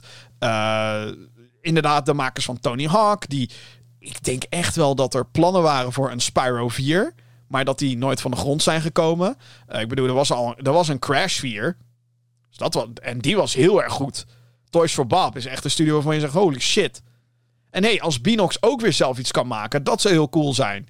Er zijn ook een aantal mensen die hopen dat Activision. Of dat dit eigenlijk Xbox en Activision soort van. Ja, de vrijheid klinkt dan weer gek, maar dat dit de mogelijkheid geeft om oudere games weer uit te gaan brengen. En als die dan naar Game Pass komen, zou dat ook wel een win zijn voor Xbox. Denk aan die oudere Transformers games. Uh, denk ook bijvoorbeeld aan oudere Spider-Man games. Activision had. Ik bedoel, zij gaven de Spider-Man games uit. De Spider-Man 1 en 2 op de PlayStation 1 en de, de filmgames. Maar ook uh, Web of Shadows en, en uh, Shattered Dimensions. Wat een multiverse Spider-Man game was. Ja, echt ver voordat er een cinematic universe of een animatiefilm over kwam. Uh, geen Miles Morales erin. Volgens mij bestond dat personage, of bestond toen nog maar net of nog niet eens. Um, maar er zijn echt wel wat toffe games daar die ze uit zouden kunnen brengen. Ik hoop dat Xbox, Microsoft zo slim genoeg is dat ze nu zeggen: hey yo, luister. Tony Hawk 1 plus 2, die remake, die was te gek. 3 plus 4, come on. Jullie kunnen het, come on. I know you want to. We want it, you want it, the fans want it. Ik koop het, meteen. Let's go. Ik hoop dat er nu dat soort vrijheden komen. En dat, dat zal. Weet je wel, dat. Het is allemaal maar de vraag of het gaat gebeuren. Maar de hoop is er wel, in ieder geval, wat dat betreft. En het is gewoon. Waar ik wel blij om ben, is dat we nu in ieder geval kunnen zeggen: het is gebeurd. Activision Blizzard is nu onderdeel van Xbox. Geen rechtszaken meer. Geen gezeik meer. Geen PlayStation die huilie huilie gaat doen. Geen oh, deze overheid wil het wel en deze wil het niet. Het, het heeft een fucking lange tijd geduurd. Maar ik heb altijd gezegd vanaf begin af aan: deze deal gaat door. Of er moet echt gewoon. Of Xbox moet het heel dom gaan aanpakken en ze hebben het, wat betreft dit, best wel slim aangepakt. Uh, de juiste woorden zijn gebruikt in de rechtszaal. Hè. De, de, de juiste argumenten zijn gebruikt. Um, Gaat Xbox hierna nog meer kopen? 100%. Gaan ze weer een grote partij als Activision Blizzard doen? Uh, Daar twijfel ik aan. Zijn ze nu nog steeds op zoek naar studio's en, en dingen? Misschien ook wel weer uitgevers. Sega staat volgens velen. Um, is, een potentieel doelwit. Denk ik ook. Uh, het is niet het laatste wat we gezien hebben wat betreft hè, hun, hun, hun, hun, hun met geld gooien, hun geld wapper emote. Maar um, Making it Rain bedoel ik, emote. Maar um, ik, denk, ik denk dat het ook verstandig is voor Xbox om nu even een stap terug te doen wat dit betreft. En gewoon te kijken, oké, wat gaan we de aankomende vijf jaar doen met de middelen die we nu hebben? Welke games komen er? Want het hele doel van alles opkopen is, nou alles, veel partijen opkopen, is niet alleen maar het, hey, wij willen PlayStation verslaan. Um, sowieso wordt dat heel lastig, want PlayStation heeft echt gewoon een. Nou, ze hoeven bijna niks te doen, zeg maar, qua first party games. Ik bedoel, het enige wat dit jaar is uitgekomen is Spider-Man 2. En ze, ze slaan, qua verkopen, slaan ze Xbox Series S en X compleet tot pulp met de PlayStation 5. Ehm, dus ik denk niet dat Xbox die strijd zeg maar, gaat winnen. Maar het gaat natuurlijk om Game Pass. En het doel, lijkt mij, is dat Xbox straks gewoon een roadmap heeft. Waarbij ze elk kwartaal, om de aantal x aantal maanden, weten: hey, wij hebben hier een toffe grote titel in handen. Die door onze interne studio's, en of dat dan Xbox Game Studios, Bethesda of Activision Blizzard is, dat maakt dan niet uit. Maar dat is dan content voor Game Pass. Die continue stroom aan exclusieve content voor Game Pass. Die content die mensen lokken naar die abonnementsdienst. Dat is wat ze willen. Dat is hun doel. En ik denk dat ze voor ongekend dichtbij komen nu om dat te gaan bereiken. Wat ze nu nog nodig hebben, is goed management. Mensen die zeg maar goed het overzicht kunnen houden. En die uh, duidelijk weten wat ze aan het doen zijn. En die goed kunnen produceren. Want dat is iets wat de gaming-industrie nu al een aantal jaren teistert. Um, sterker nog, daar gaan we het zo over hebben. In verband met Ubisoft. Uh, maar de ontwikkeling van games wordt alsmaar langer. En het moet allemaal groter. En, moet, en, weet je, aan de ene kant is dat goed. Hè? We willen vooruit met videogames. Hè? Ons entertainmentniveau moet omhoog. Maar dat heeft op dit moment tot gevolg dat ontwikkeling van games veel te lang duurt. En dat gaat alleen maar langer, langer worden en daar moeten oplossingen voor gezocht worden. En ik denk, ja, ik, ik zeg niet dat Xbox daarin de oplossing is of zo. Maar ik denk dat ook door deze strategie, dat er studio's wellicht weer wat creatiever worden om. En ook wat vrijer zijn om bepaalde titels uit te brengen. En de studio waar je dat het meeste bij ziet is Obsidian. Die zijn nu bezig met Avowed, wat een, een, een, een RPG is. Die lijkt een beetje op Elder Scrolls. Schijnt niet echt, echt te worden, te gaan spelen als Elder Scrolls. Maar die uh, doen nu dus Avowed. Of althans, hebben ze gedaan. Ze hebben Grounded gedaan. Een, een survival game. Hè, weet je, waarbij je heel klein bent in de achtertuin. En dat is een succes. Wat? Weet je al? En, en dit is het team achter die Outer Worlds en Fallout New Vegas. Weet je wel? Like, wat? Um, maar, ze hebben ook Pentanent gedaan. Wat een point-and-click adventure game is. Met een hele aparte artstijl. Like? Maar dat is, dat is soort van die vrijheid die dit soort studios moeten hebben. Om soms ook gewoon een experimentele game te maken. En niet alleen maar te gaan voor die. Alles moet groter en epischer. Weet je wel? Dat is cool, is tof. Ook die games moeten gemaakt worden. En die worden ook zeker wel gemaakt. Maar soms ook een beetje experimenteren. En kijken wat je kan bereiken met een game die een keer 30 euro kost in plaats van 70 of 60. Uh, dus kijken wat er gebeurt als je echt een hele kleine game maakt die 15 euro kost misschien wel. Ja, ze kunnen van anders nog wat doen. Die vrijheid hebben, althans dat idee heb ik, die vrijheid hebben bepaalde studio's nu.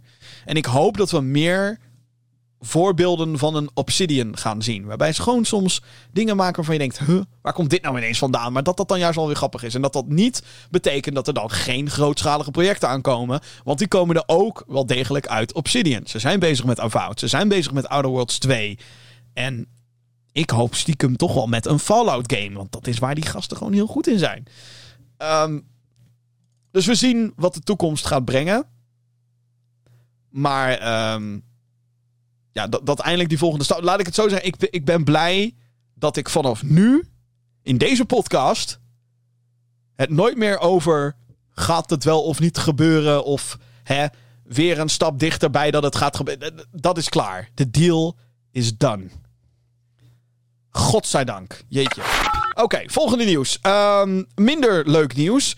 Heeft te maken met een van de grootste, of in ieder geval een van de meest bekendste uh, ontwikkelstudio's. Zeker in, op het shooterfront.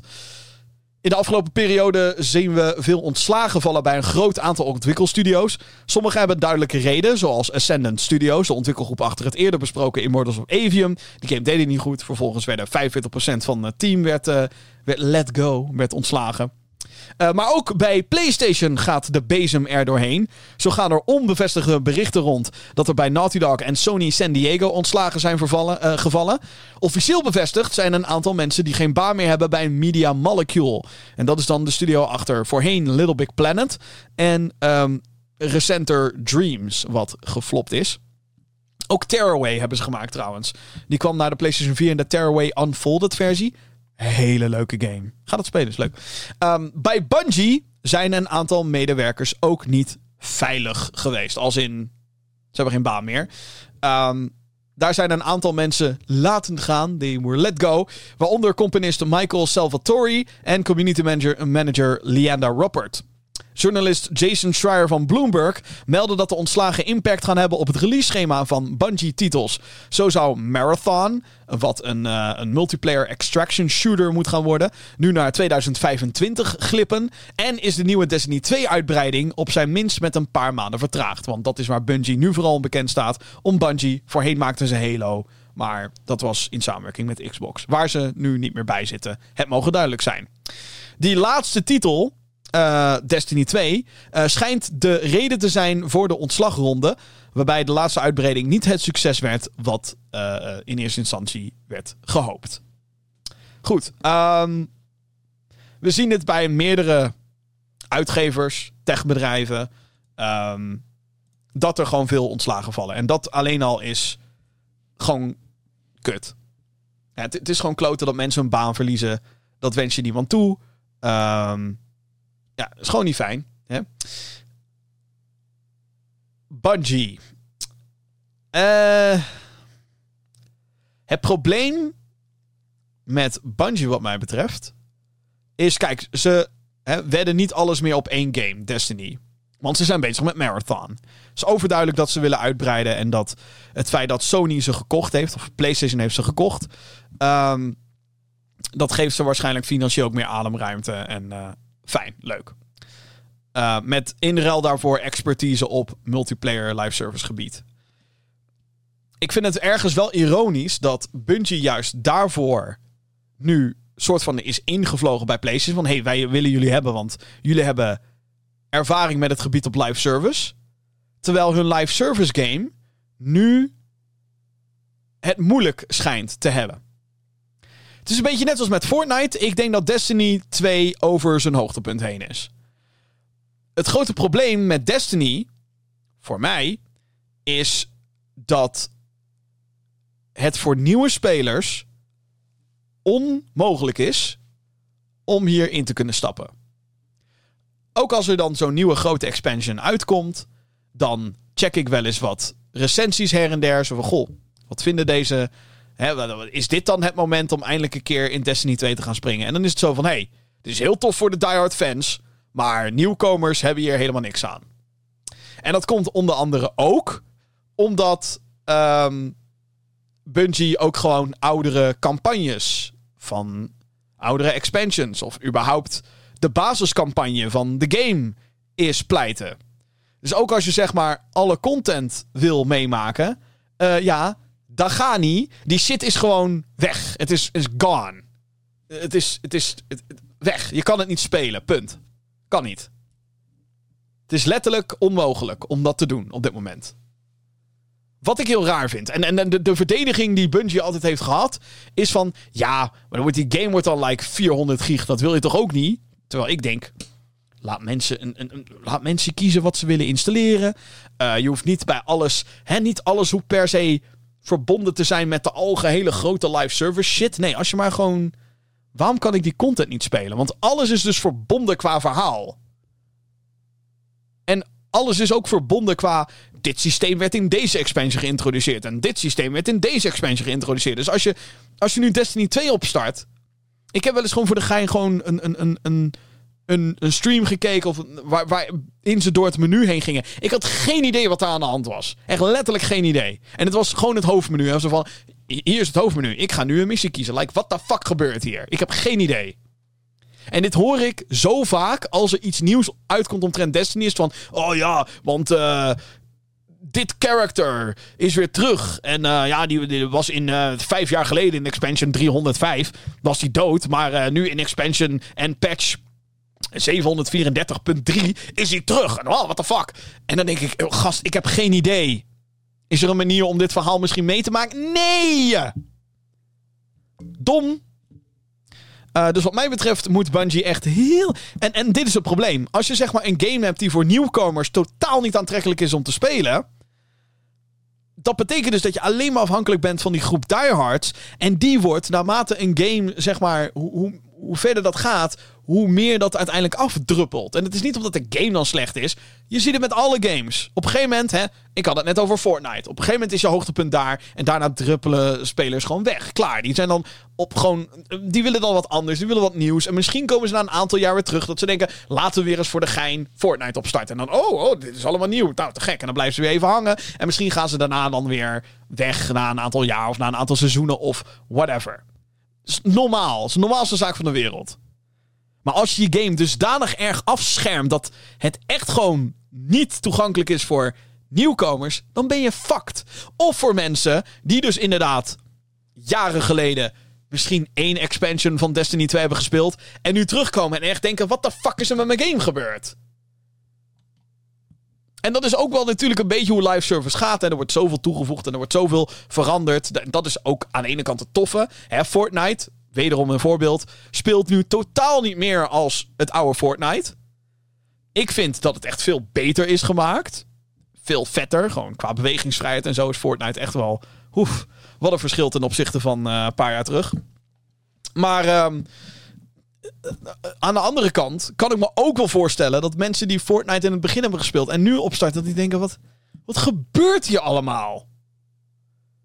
En dan is Fortnite nog veel toegankelijker, want het is free-to-play en het is allemaal nog steeds hetzelfde principe. Het is Battle Royale en dat, dat, dat. En dat zal ongetwijfeld bij Destiny zullen er ook een aantal dingen zijn die nog steeds goed zijn. Maar ik denk alleen maar, elke keer ook als ik een Destiny 2 trailer zie in, in welke showcase dan ook, zij het bij PlayStation, zij het bij Gamescom, zij het bij de Game Awards, ik tune dan volledig uit. Ik denk, I don't care. Het is een game die ik niet speel en ik ga het ook nooit meer spelen. En dat is een probleem voor Bungie.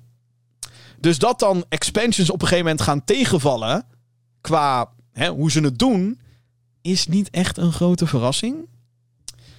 En het probleem nu ook is, dat ze nu al zo gefocust zijn op deze aanpak. Dat teruggaan, dat, dat hele fundament veranderen, dat wordt lastig nu. Ik ben zeg maar zo'n. En, en dan kan je me dom noemen, dat kan, mag. Uh, maar ik ben dan zo iemand die nu zou zeggen: joh, uh, weet je, kom maar ooit een keer met een Destiny 3 en dan, uh, dan, dan stap ik wel in, weet je wel. Weet je dat. Is, het, is, het, is, is, dat een, is dat een hele beperkte visie? Ja durf ik ook toe te geven. Maar deze manier werkt ook niet. En als Bungie uh, niet zeg maar een hele team wil weg moeten gooien, dan moeten ze daar wel een keertje op gaan letten. Althans, dat is dan mijn mening daarover. Goed. Oh, Ubisoft. Um, het lijkt inmiddels een um, hele flauwe of cruwe grap te zijn. Maar ook in deze aflevering van de Gaming Geeks podcast ga ik het met je hebben over Ubisoft, die wederom een game heeft uitgesteld. Dit keer is het voor de zoveelste ongelooflijk. Het is echt niet normaal. Skull and Bones. Dit is een multiplayer game waarbij je uh, met verschillende schepen de zeeën moet veroveren. Of althans, je bestuurt één schip en je kan dan meerdere schepen hebben. Um, het project begon ooit als een uitbreiding op Assassin's Creed 4 Black Flag, waarna het een eigen game en zelfs eigen IP werd. Skull and Bones wordt ontwikkeld door Ubisoft Singapore en de ontwikkeling is niet echt van een leien dakje gegaan. De onthulling van de game was in juni 2017. Op Gamescom 2018 was de game speelbaar en daarna was het uitstellen tot je een ons weegt. In november 2022 moest de game dan uitkomen. Na een lange stilte werd eindelijk weer wat onthuld. Dus uit hey, november 2022 gaat het gebeuren. Dat werd maart, uh, 9 maart 2023. Dat werd weer 13 november 2023. En nu is het uitgesteld naar begin volgend jaar zonder exacte datum. Het is niet het enige project wat problemen heeft bij Ubisoft. In de vorige podcast hadden we het notabene over X-Defiant, die last minute werd uitgesteld. Prince of Persia Sense of Time remake is volledig opnieuw gestart qua ontwikkeling. En de Splinter Cell remake lijkt ook maar niet van de grond af te raken. Met het bericht dat Skull and Bones is uitgesteld, lijkt er ook nog een andere titel vertraagd te zijn. Experts wijzen naar Star Wars Outlaws, die mogelijk naar later in 2024 wordt gepusht. Aan de andere kant lijkt het er wel op dat Avatar Frontiers of Pandora zijn release gaat halen. De game gebaseerd op de gigantische James Cameron kaskrakers komt op 7 december uit op PC, PlayStation 5 en Xbox Series S/X. Oh, Skull and Bones. Jezus. Dit is, wat ik, uh, dit is waar ik eerder naar refereerde met... Je moet goed management hebben binnen je ontwikkelaarsgroep en binnen je studio's en whatever. Want ik blijf het zeggen. Ik weet niet wat de fuck Ubisoft aan het doen is. Maar hoe, hoe is een game als Skull and Bones na tien jaar, I kid you not, na tien jaar nog steeds niet af? En ik blijf dit zeggen over Skull and Bones, maar ik moet het benadrukken. Het is fucking Assassin's Creed 4. Het schipgedeelte. Je kan niet van je schip af. Het is alleen maar het schipgedeelte, maar dan multiplayer. Dat is het. Hoe de fuck duurt dit 10 fucking jaar? Hoe? Ik ben geen gameontwikkelaar. Maar als ik zie wat andere teams voor elkaar krijgen, denk ik: 10 jaar voor dit? Het ziet er niet super mooi uit. Het ziet er heel erg PS4 uit. No shit, het is iets wat 10 jaar geleden werd gestart de, de, gameplay. Nou, ik heb het gespeeld vijf jaar geleden op Gamescom. En ik. Eh, en tuurlijk, je zou kunnen zeggen: Jim, je hebt het vijf jaar geleden gespeeld. Er is waarschijnlijk heel veel veranderd. Ongetwijfeld, maar ik zie het niet in de gameplaybeelden. Ik zie het niet. In, in, in, in de trailers en in, in, in de promotiemateriaal. En ik zie letterlijk het verschil niet tussen wat ik heb gespeeld vijf jaar geleden. Wat, wat ik al zei, de Assassin's Creed 4 boat shit. Wat eigenlijk al Assassin's Creed 3 was, maar in 4 werd het uitgebreid. Maar het is Assassin's Creed 4, de bootstand. Met meer mogelijkheden om je schip te customizen. Hè, zeker qua gameplay van, oh, je schip wordt zwaarder, maar kan sterker schieten. Dat soort shit. Maar dan multiplayer. Dat is het. Dat mag nooit, bij welke fucking uitgeversgroep dan ooit, mag dit 10 jaar duren. Dit is rampzaliger ik heb dit op uh, Twitter, of X, whatever, heb ik dit het meest rampzalige ontwikkelingsproject ooit genoemd in games. En dat betekent niet dat er games zijn die even... Hè, ik werd eigenlijk meteen soort van gecorrigeerd van... Maar Jim, Duke Nukem Forever. Ja, Duke Nukem Forever duurde langer.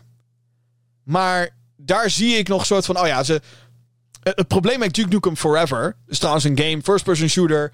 Uh, werd in 1997 begonnen de ontwikkeling daarvan en pas in 2011 kwam het uit. Ja, dat is een tering lange tijd, als 14 jaar. En het probleem met die game was, is dat ze elke keer wanneer er iets nieuws gebeurde qua technologie op game engines of whatever, dan stapten ze daarop over. Zoals van, oh, Wauw, oké, wij gaan. Uh, het begon volgens mij met. We gaan natuurlijk Nukem Forever op de Quake Engine bouwen. Toen werd het de Quake 2 Engine. Toen werd het de Unreal Engine. En elke keer werd het project opnieuw opgestart. En daarna was het van. Oh, maar nu is Unreal Engine 2. En nu is Unreal Engine 3. En dat. Fucking hell. Zo vermoeiend. Ik weet niet wat het excuus van Skull and Bones is. Maar op de een of andere manier en Duke Nukem Forever is een shit game trouwens. Een fucking kutspel. Um, die, die game had echt gewoon... Op een gegeven moment hadden ze een beeld die bijna klaar was in 2001, 2002. Die hadden ze gewoon af moeten maken en dat hadden ze moeten uitbrengen. Maar toen werden ze te ambitieus. Dachten ze oh, maar Half-Life 2... Er gaat een gerucht dat Half-Life 2 dit kan doen. Dus daar moeten we op... En het was continu het verzetten van meer dingen willen doen met nieuwe technologie. En zo krijg je een game nooit af. Althans, bijna nooit. Bewijs, Duke Nukem Forever. Anyway. Dat is niet het probleem waar Skull and Bones mee kampt. Ik heb het idee, echt waar, dat Skull and Bones kampt puur met slecht management. En gewoon mensen die geen fucking flauw idee hebben wat de fuck deze game nou eigenlijk moet zijn. Behalve Assassin's Creed boat shit multiplayer. Want dat is wat het is. Dat ze zelf waarschijnlijk niet eens weten: oké, waar zit nou echt de fun factor? Waar zit de oh shit, ik moet deze game hebben factor? En het diep trieste hiervan is, is dat het inmiddels echt niet meer uitmaakt wanneer Skull Bones uitkomt. Tenzij ze de game weer rigoureus veranderd hebben en het nu eigenlijk een soort Ubisoft-versie van Sea of Thieves wordt. Of echt iets revolutionairs, whatever. Maar hè, het roer gaat om. maar van wat ik nu heb gezien, wat nu Skull and Bones is. Als ze dat uitbrengen, maakt niet eens uit wanneer. Of dat nu is, of volgend jaar, of het jaar daarop, of whatever. Het gaat floppen. En dat is het trieste hiervan. Tien jaar lang en dit gaat floppen. Ik denk letterlijk dat geen ziel, geen ziel zit te wachten op Skull and Bones. Helemaal niemand. Ben, ben ik uiteindelijk benieuwd om het te spelen? Oh, fuck ja. Dat wel. Dat zeker weten. Als het er eenmaal is, wil ik, wil ik wel weten... Wat, wat hebben ze er nou van gebakken na al die, na al die idioot lange tijd? Wat is het nou geworden? Maar voor de rest... En weet je, misschien dat er inderdaad een parel tussen zit. Dat het is van, wow, what the fuck, weet je wel. Maar financieel gaat dit al floppen. En wat interessant is, is dat je misschien zou denken, Jim, waarom cancelen deze game, ze deze game nou gewoon niet inmiddels? Ik bedoel, je zou bijna kunnen zeggen, schrap het. Dan, hè? En dat heb ik ook. Ik heb zoiets van, joh, breng het uit. Want het maakt inmiddels echt niet meer uit of de game fucking buggy en shit is of niet. Maakt echt letterlijk geen reet uit, denk ik, qua, qua verkoopcijfers. Um, of breng het uit of cancel het. Het probleem is, is dat ze niet kunnen cancelen. Omdat, um, geloof ik, althans dit heb ik op meerdere, van meerdere bronnen vernomen. Ze hebben namelijk geld aangenomen van de overheid van Singapore. Een soort van investeringsfonds van... hey, jullie zijn bezig met deze technologie. Hè? Jullie ondersteunen uh, met dit project de, uh, ontwikkelscene in Singapore. En die fonds heb je overal. CD Projekt Red heeft bijvoorbeeld iets van 15 miljoen gekregen van de Poolse overheid. Omdat hè, die, dat die hele ontwikkeling van Cyberpunk 2077 zorgt voor hè, ogen op de Poolse gaming-industrie. En jullie zorgen voor werk binnen de Poolse industrie en dat soort shit. Een derg, ik weet niet om wat voor bedrag het gaat. Laat me dat duidelijk zijn. Maar Ubisoft heeft iets aangenomen van de overheid van Singapore. Waardoor ze verplicht zijn. Ze hebben dat geld aangenomen. Ze zijn nu verplicht om het spel af te maken. En uit te brengen. Dat is wat ik er in ieder geval van begrijp. Dus ja, dat is kut. Want ik kan me zo voorstellen dat Ubisoft inmiddels zoiets heeft van... God damn it. Kom op, man. we hebben Massive Entertainment. Die, uh, moet je dus nagaan. Oké. Dus in de tijd dat Skull and Bones is begonnen met ontwikkelen. En nu, laten we even zeggen eind 2023, even voor het gemak, heeft Massive Entertainment, een andere Ubisoft studio, uh, even kijken, twee Division-titels uh, gemaakt en uitgebracht. Uh, daar is DLC bij gekomen. Uh, ze hebben een Avatar-game die zo goed als af is. Komt in december uit. en ze zijn al best wel goed onderweg met een andere open-world Star Wars-game. Goh, huh. En ik, ja, ik, ik weet niet wanneer de ontwikkeling van de Division begon. Boeit eigenlijk ook niet. Maar de Division 1 kwam uit in, wat was het, 2016? Nou, dan heeft Massive wel een stuk meer voor elkaar gekregen dan Ubisoft Singapore. En dan zou je natuurlijk ook kunnen zeggen: hey, Massive is veel groter en een grotere studio en bla bla bla, weet ik dat allemaal. Maar kijk gewoon even naar wat de fuck hier gaande is. Oh, wat, een, wat, een, wat, een, wat een groot, groot probleem voor Ubisoft. En, uh... ik vind het oprecht ook heel treurig. Echt heel treurig voor de ontwikkelaars. Die geloof ik best, bloed, zweet en tranen geven om deze game te maken. En dan heb je iemand zoals ik. Die het zeg maar af zit te zeiken. Maar ik zeg wel gewoon wat ik vind. En dit, dit, dit is wat ik bij de game voel. Ik kan er ook niet tegen jou over liegen. Dat zou ook dom zijn. Van, oh, die arme ontwikkelaars. Nee, het is gewoon dit is wat ik vind. Dit, dit, dit... Zo frustrerend. Ubisoft, get your shit together, man. Overigens komt er wel... Ik had het net over Prince of Persia. Er komt ook nog een nieuwe Prince of Persia game uit. Niet de Sense of Time remake. Een 2,5D Metroidvania-achtige game in januari. Ben ik heel benieuwd naar. En dat is ook het ding. Ik, het is niet dat ik um, Ubisoft geen succes gun. Want die Avatar game ziet er heel vet uit. Die Star Wars Outlaws zag ook heel cool uit. Die Prince of Persia game, let's go. Sense of Time remake, let's go. En geloof mij maar, als Skull and Bones... Nou, was uitgebracht... rondom de tijd dat het werd aangekondigd... Het, 2017 werd het aangekondigd. Nou, 2018 was het speelbaar. 2019, 2020. Als toen het werd uitgebracht. Dan zat ik hier nu niet te bitchen. Omdat we inmiddels drie jaar fucking verder zijn. En dat is lang. Goed. Uh, wilde ik toch even gezegd hebben. Laatste nieuwtje van deze uh, Gaming Geeks podcast dan. Um, dit was interessant. Uh, journalist Bastiaan Vroegop heeft in het Algemeen Dagblad de zorgen geuit over Nederlands gameontwikkeltalent. Deze blijven namelijk zelden in Nederland en vertrekken vaak naar het buitenland. Dit zou vooral te maken hebben met dat er in Nederland weinig subsidies worden uitgekeerd om gameontwikkeling te motiveren. Volgens de mensen die vroeg op heeft gesproken gaat het vooral om een mismatch tussen de fondsen die er zijn en het doel. De financiële steun die er nu gegeven kan worden is vooral bedoeld om nieuwe bedrijven te helpen beginnen en niet om nieuwe projecten te realiseren. Iets waar allerlei game studios uiteindelijk tegenaan lopen. In Nederland zijn er een aantal prominente game studios te vinden, waaronder Guerrilla Games en Nixus, beide onderdeel van PlayStation. Daarnaast zijn er een aantal succesvolle ontwikkelaars zoals Team Reptile, bekend van Bumrunner, Cyberpunk en Lethal League, Triumph Studios, de studio achter Age of Wonders en eigendom van Paradox Interactive, Ken Interactive heb je ook nog, die dit jaar Deliver Us Mars hebben uitgebracht. Uh, Sudesco en Iceberg Interactive zijn alweer uitgevers die in Nederland gevestigd zitten. En dan zijn er natuurlijk nog meer indie teams. Um, Total Mayhem Games is eentje in Rotterdam, bijvoorbeeld van de We Were Here uh, series en zo. Vorige maand werd nog bekend dat Ronimo Games, bekend van Swords and Soldiers en Awesome Knots, zijn deuren gaat sluiten nadat Blightbound, andere titel, weinig spelers wist te trekken. Ik vond het een uh, interessant artikel.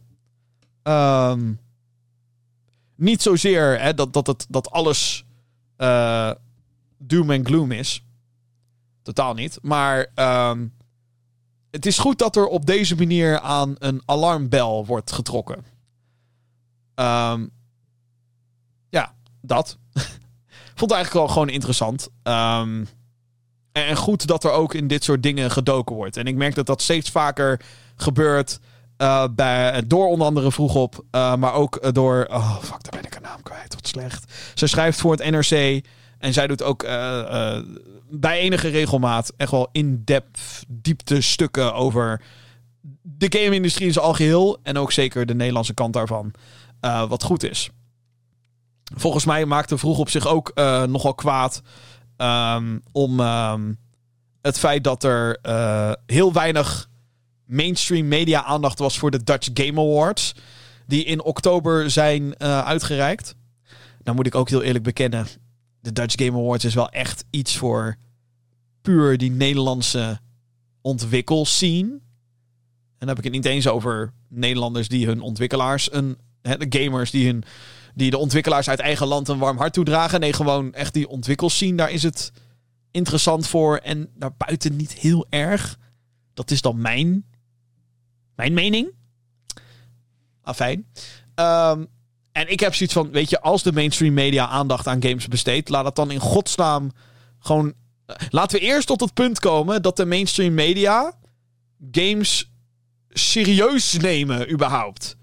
En niet alleen maar als een fucking punching bag gebruiken van... Oh, verslaving. Gameverslaving is slecht. Oh, er is geweld in games en dat is slecht. Want dat is nog steeds wat er gebeurt. Anno 2023 op. Althans, hè? niet overal. Want mainstream media is ook AD, is ook NRC. Bij kranten gebeurt het godzijdank veel minder, omdat daar nu eindelijk wat mensen komen die er verstand van hebben. Maar op televisie, oh, nog steeds. en dat is frustrerend. Ehm, dus dat. het is goed dat dit soort dat er, dat er aandacht wordt geschonken aan dit soort dingen. En daarom wilde ik het er ook over hebben in deze podcast. Dus dank daarvoor. Het klinkt alsof ik nu een hele officiële mededeling heb gedaan. Maar ehm, dat is nou ook weer niet zo natuurlijk. Nieuws. Oh nee, niet nieuws. Die andere. Heb jij een vraag voor de show? Ja, die. Mail naar podcast.gamergeeks.nl Oké, ja. Ik klonk ineens als een... Oké, een uh, radio-dj hier een uh, podcast zit te hosten. Ik heb een uh, mailtje gekregen in de mailbox. ja, je hoorde net al podcast.gamergeeks.nl. Oké, ik ga nu ook echt op met dat stemmetje. een mailtje van Rowan. Die zegt... beste Jim en eventuele medegeek... Hier horen krekels. Nee, uh, ik ben er weer eentje.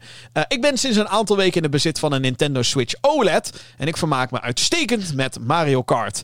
Ook ben ik bezig met, hey, daar hebben we hem, Assassin's Creed Black Flag op de Switch. En dit speelt prima. Ik speel voornamelijk thuis, maar gebruik hem dan ook handheld en niet in de dock. Hoe speel jij op je Switch als je thuis bent? Handheld of via de dock op een monitor of tv? Ik geniet altijd erg van de podcast. Ga zo door. Dankjewel, Rohan. Uh, met, vriend, met vriendelijke groet, Rohan staat er nog bij. Dankjewel, Rohan. Um, ik um, heb geen OLED Switch. Ik heb een normale Switch. Als in uh, een launch Nintendo Switch uit 2017. Doet het nog steeds. I love it. Ik hou van mijn Switch. Beestje doet het gewoon nog. Love it. Um, geen gebreken ook verder. Hm? Uh, en ik speel eigenlijk bijna alleen maar docked. Dus ik heb dat ding. Of de Switch heb ik in zijn dokje. En uh, ook heel vaak omdat ik. Ten eerste omdat ik graag lekker achterover ga zitten en lekker ga gamen. Um, ik heb hem eigenlijk standaard aan mijn computer gekoppeld. Met, met een capture card ding. Heel technisch allemaal. Uh, maar dat betekent dat ik hem uh, eigenlijk rechtstreeks op mijn PC kan zien en horen. Uh, wat de Nintendo Switch doet. en dan kan ik ook gameplay opnemen voor bijvoorbeeld deze Gaming Geeks podcast. Dat als je de videoversie hebt gezien, dan zag je Mario Brothers Wonder gameplay. Dan zag je hoe ik heel erg aan het klooien was in een level om alles daarin te unlocken. maar dan kan ik het dus ook direct opnemen en eventueel streamen. Um, Handheld heb ik niet heel veel gebruik van gemaakt uh, van de Nintendo Switch. Gewoon, ten eerste omdat ik de joysticks op de Joy-Cons niet super comfortabel vind. En voor mij zijn er een specifiek aantal games die ik leuk vind om te spelen onderweg of op handheld. En wanneer niet. Maar als ik onderweg ben, en dit is dan ook weer heel erg mijn situatie. Maar als ik onderweg ben, dan, ben ik, dan zit ik meestal in de auto en rij ik zelf. Dus dan ja, heb ik niet echt een aanleiding om mijn Switch te pakken. Althans, dat kan wel. Het is heel gevaarlijk. Moet je niet doen. Niet gamen en rijden tegelijkertijd. Tenzij je in een racing game aan het... Whatever. Je snapt me. Um, dus, hè, en als ik vaak met de trein zou reizen. Maar ook dan... Ik weet nog wel, volgens mij de eerste... Eerste jaar dat ik een Switch had, zat ik wel vaak in de trein. En toen merkte ik gewoon dat ik het niet zo heel erg fijn vond om in een trein. Zeker niet tijdens spitsuren, om dan je switch erbij te pakken. Hm, nee, niet echt voor mij. Uh, en ik heb altijd een eigen scherm ter beschikking. Dan moet ik er ook wel bij zeggen. Het is niet zo dat ik bijvoorbeeld. Uh, uh, een jong jochie bent. Wel in mijn hart en in mijn mind. Um, te jong. Um, hè, het is niet zo dat, dat er één televisie in het huis is. En uh, weet ik veel, dan, dan, dan willen mijn ouders willen dan hun favoriete tv-serie kijken. Waardoor ik niet de Switch op de televisie kan spelen. In zo'n situatie zit ik niet. Ik heb altijd wel ergens een scherm waar ik de Switch op kan aansluiten. Um, ja, en, en, en uh, dit is dan wel weer een groot voordeel van de OLED. Is dat het scherm wel echt prachtig is op die OLED. De Switch OLED. Uh, en, en ik vind het scherm van de normale Switch ook niet super goed. Nou, is, het is niet dusdanig slecht dat ik zeg... Oh, hier wil ik geen games op spelen. Dat valt ook wel weer mee. Um, maar ik denk wel dat er tegenwoordig... Of tegenwoordig dat er nu games zijn die heel erg veel profijt hebben van het OLED-scherm, zoals Super Mario Bros. Wonder. De kleuren spatten, spatten van mijn monitor af. Laat staan op een OLED-scherm. Ik heb geen OLED-monitor. Dat zou helemaal mooi zijn. Ik heb ook geen OLED-televisie. Dus dat, dat, zou... Oh, dat uh, staat op mijn verlanglijstje hoor. Maar uh, dat zou ook wel cool zijn. Dus nee, ik speel voornamelijk mijn Switch docked. Um, ook omdat ik het apparaat, gek genoeg, als een console meemaak en niet per se als een handheld. Maar dat is logisch, want ik heb hem altijd docked. Dus dat is een soort van effect daarover. Um, ik heb hem wel meegenomen naar Gamescom afgelopen augustus. Gewoon los als handheld. De.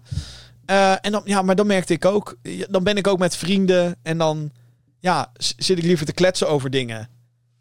En dan, ik, ik denk dat ik mijn Switch tijdens de gehele reis Gamescom wel geteld een kwartier heb aangehad.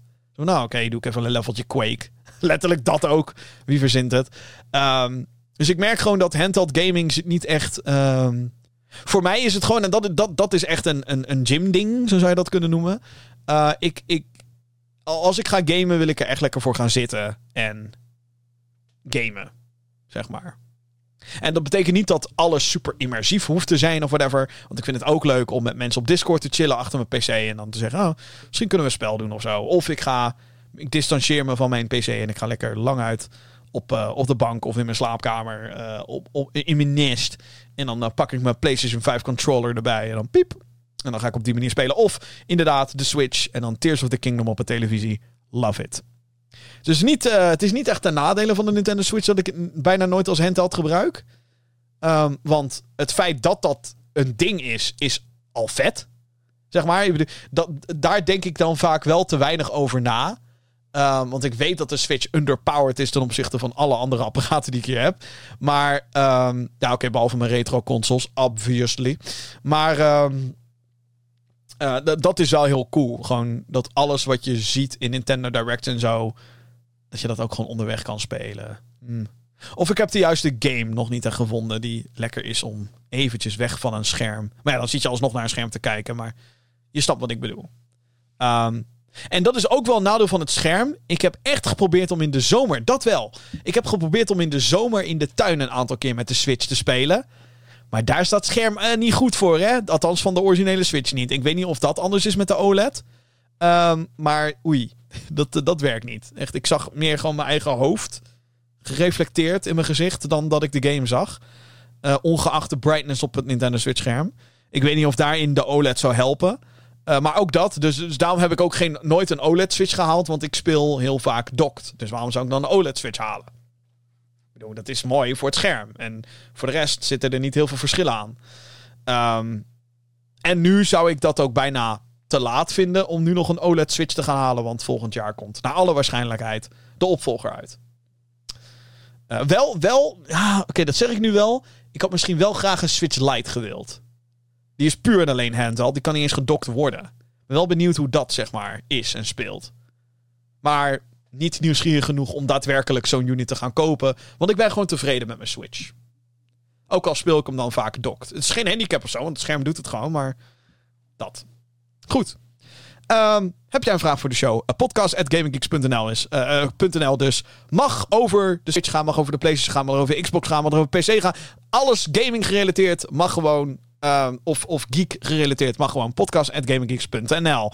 Zijn bijna aan het einde gekomen van deze aflevering, deze 231ste aflevering van de Gaming Geeks podcast. Maar niet voordat je de vraag van deze aflevering hebt. Uh, die komt dan onder andere op uh, Spotify. Kan je je antwoord op geven. Wat is volgens jou de beste 2D Mario game?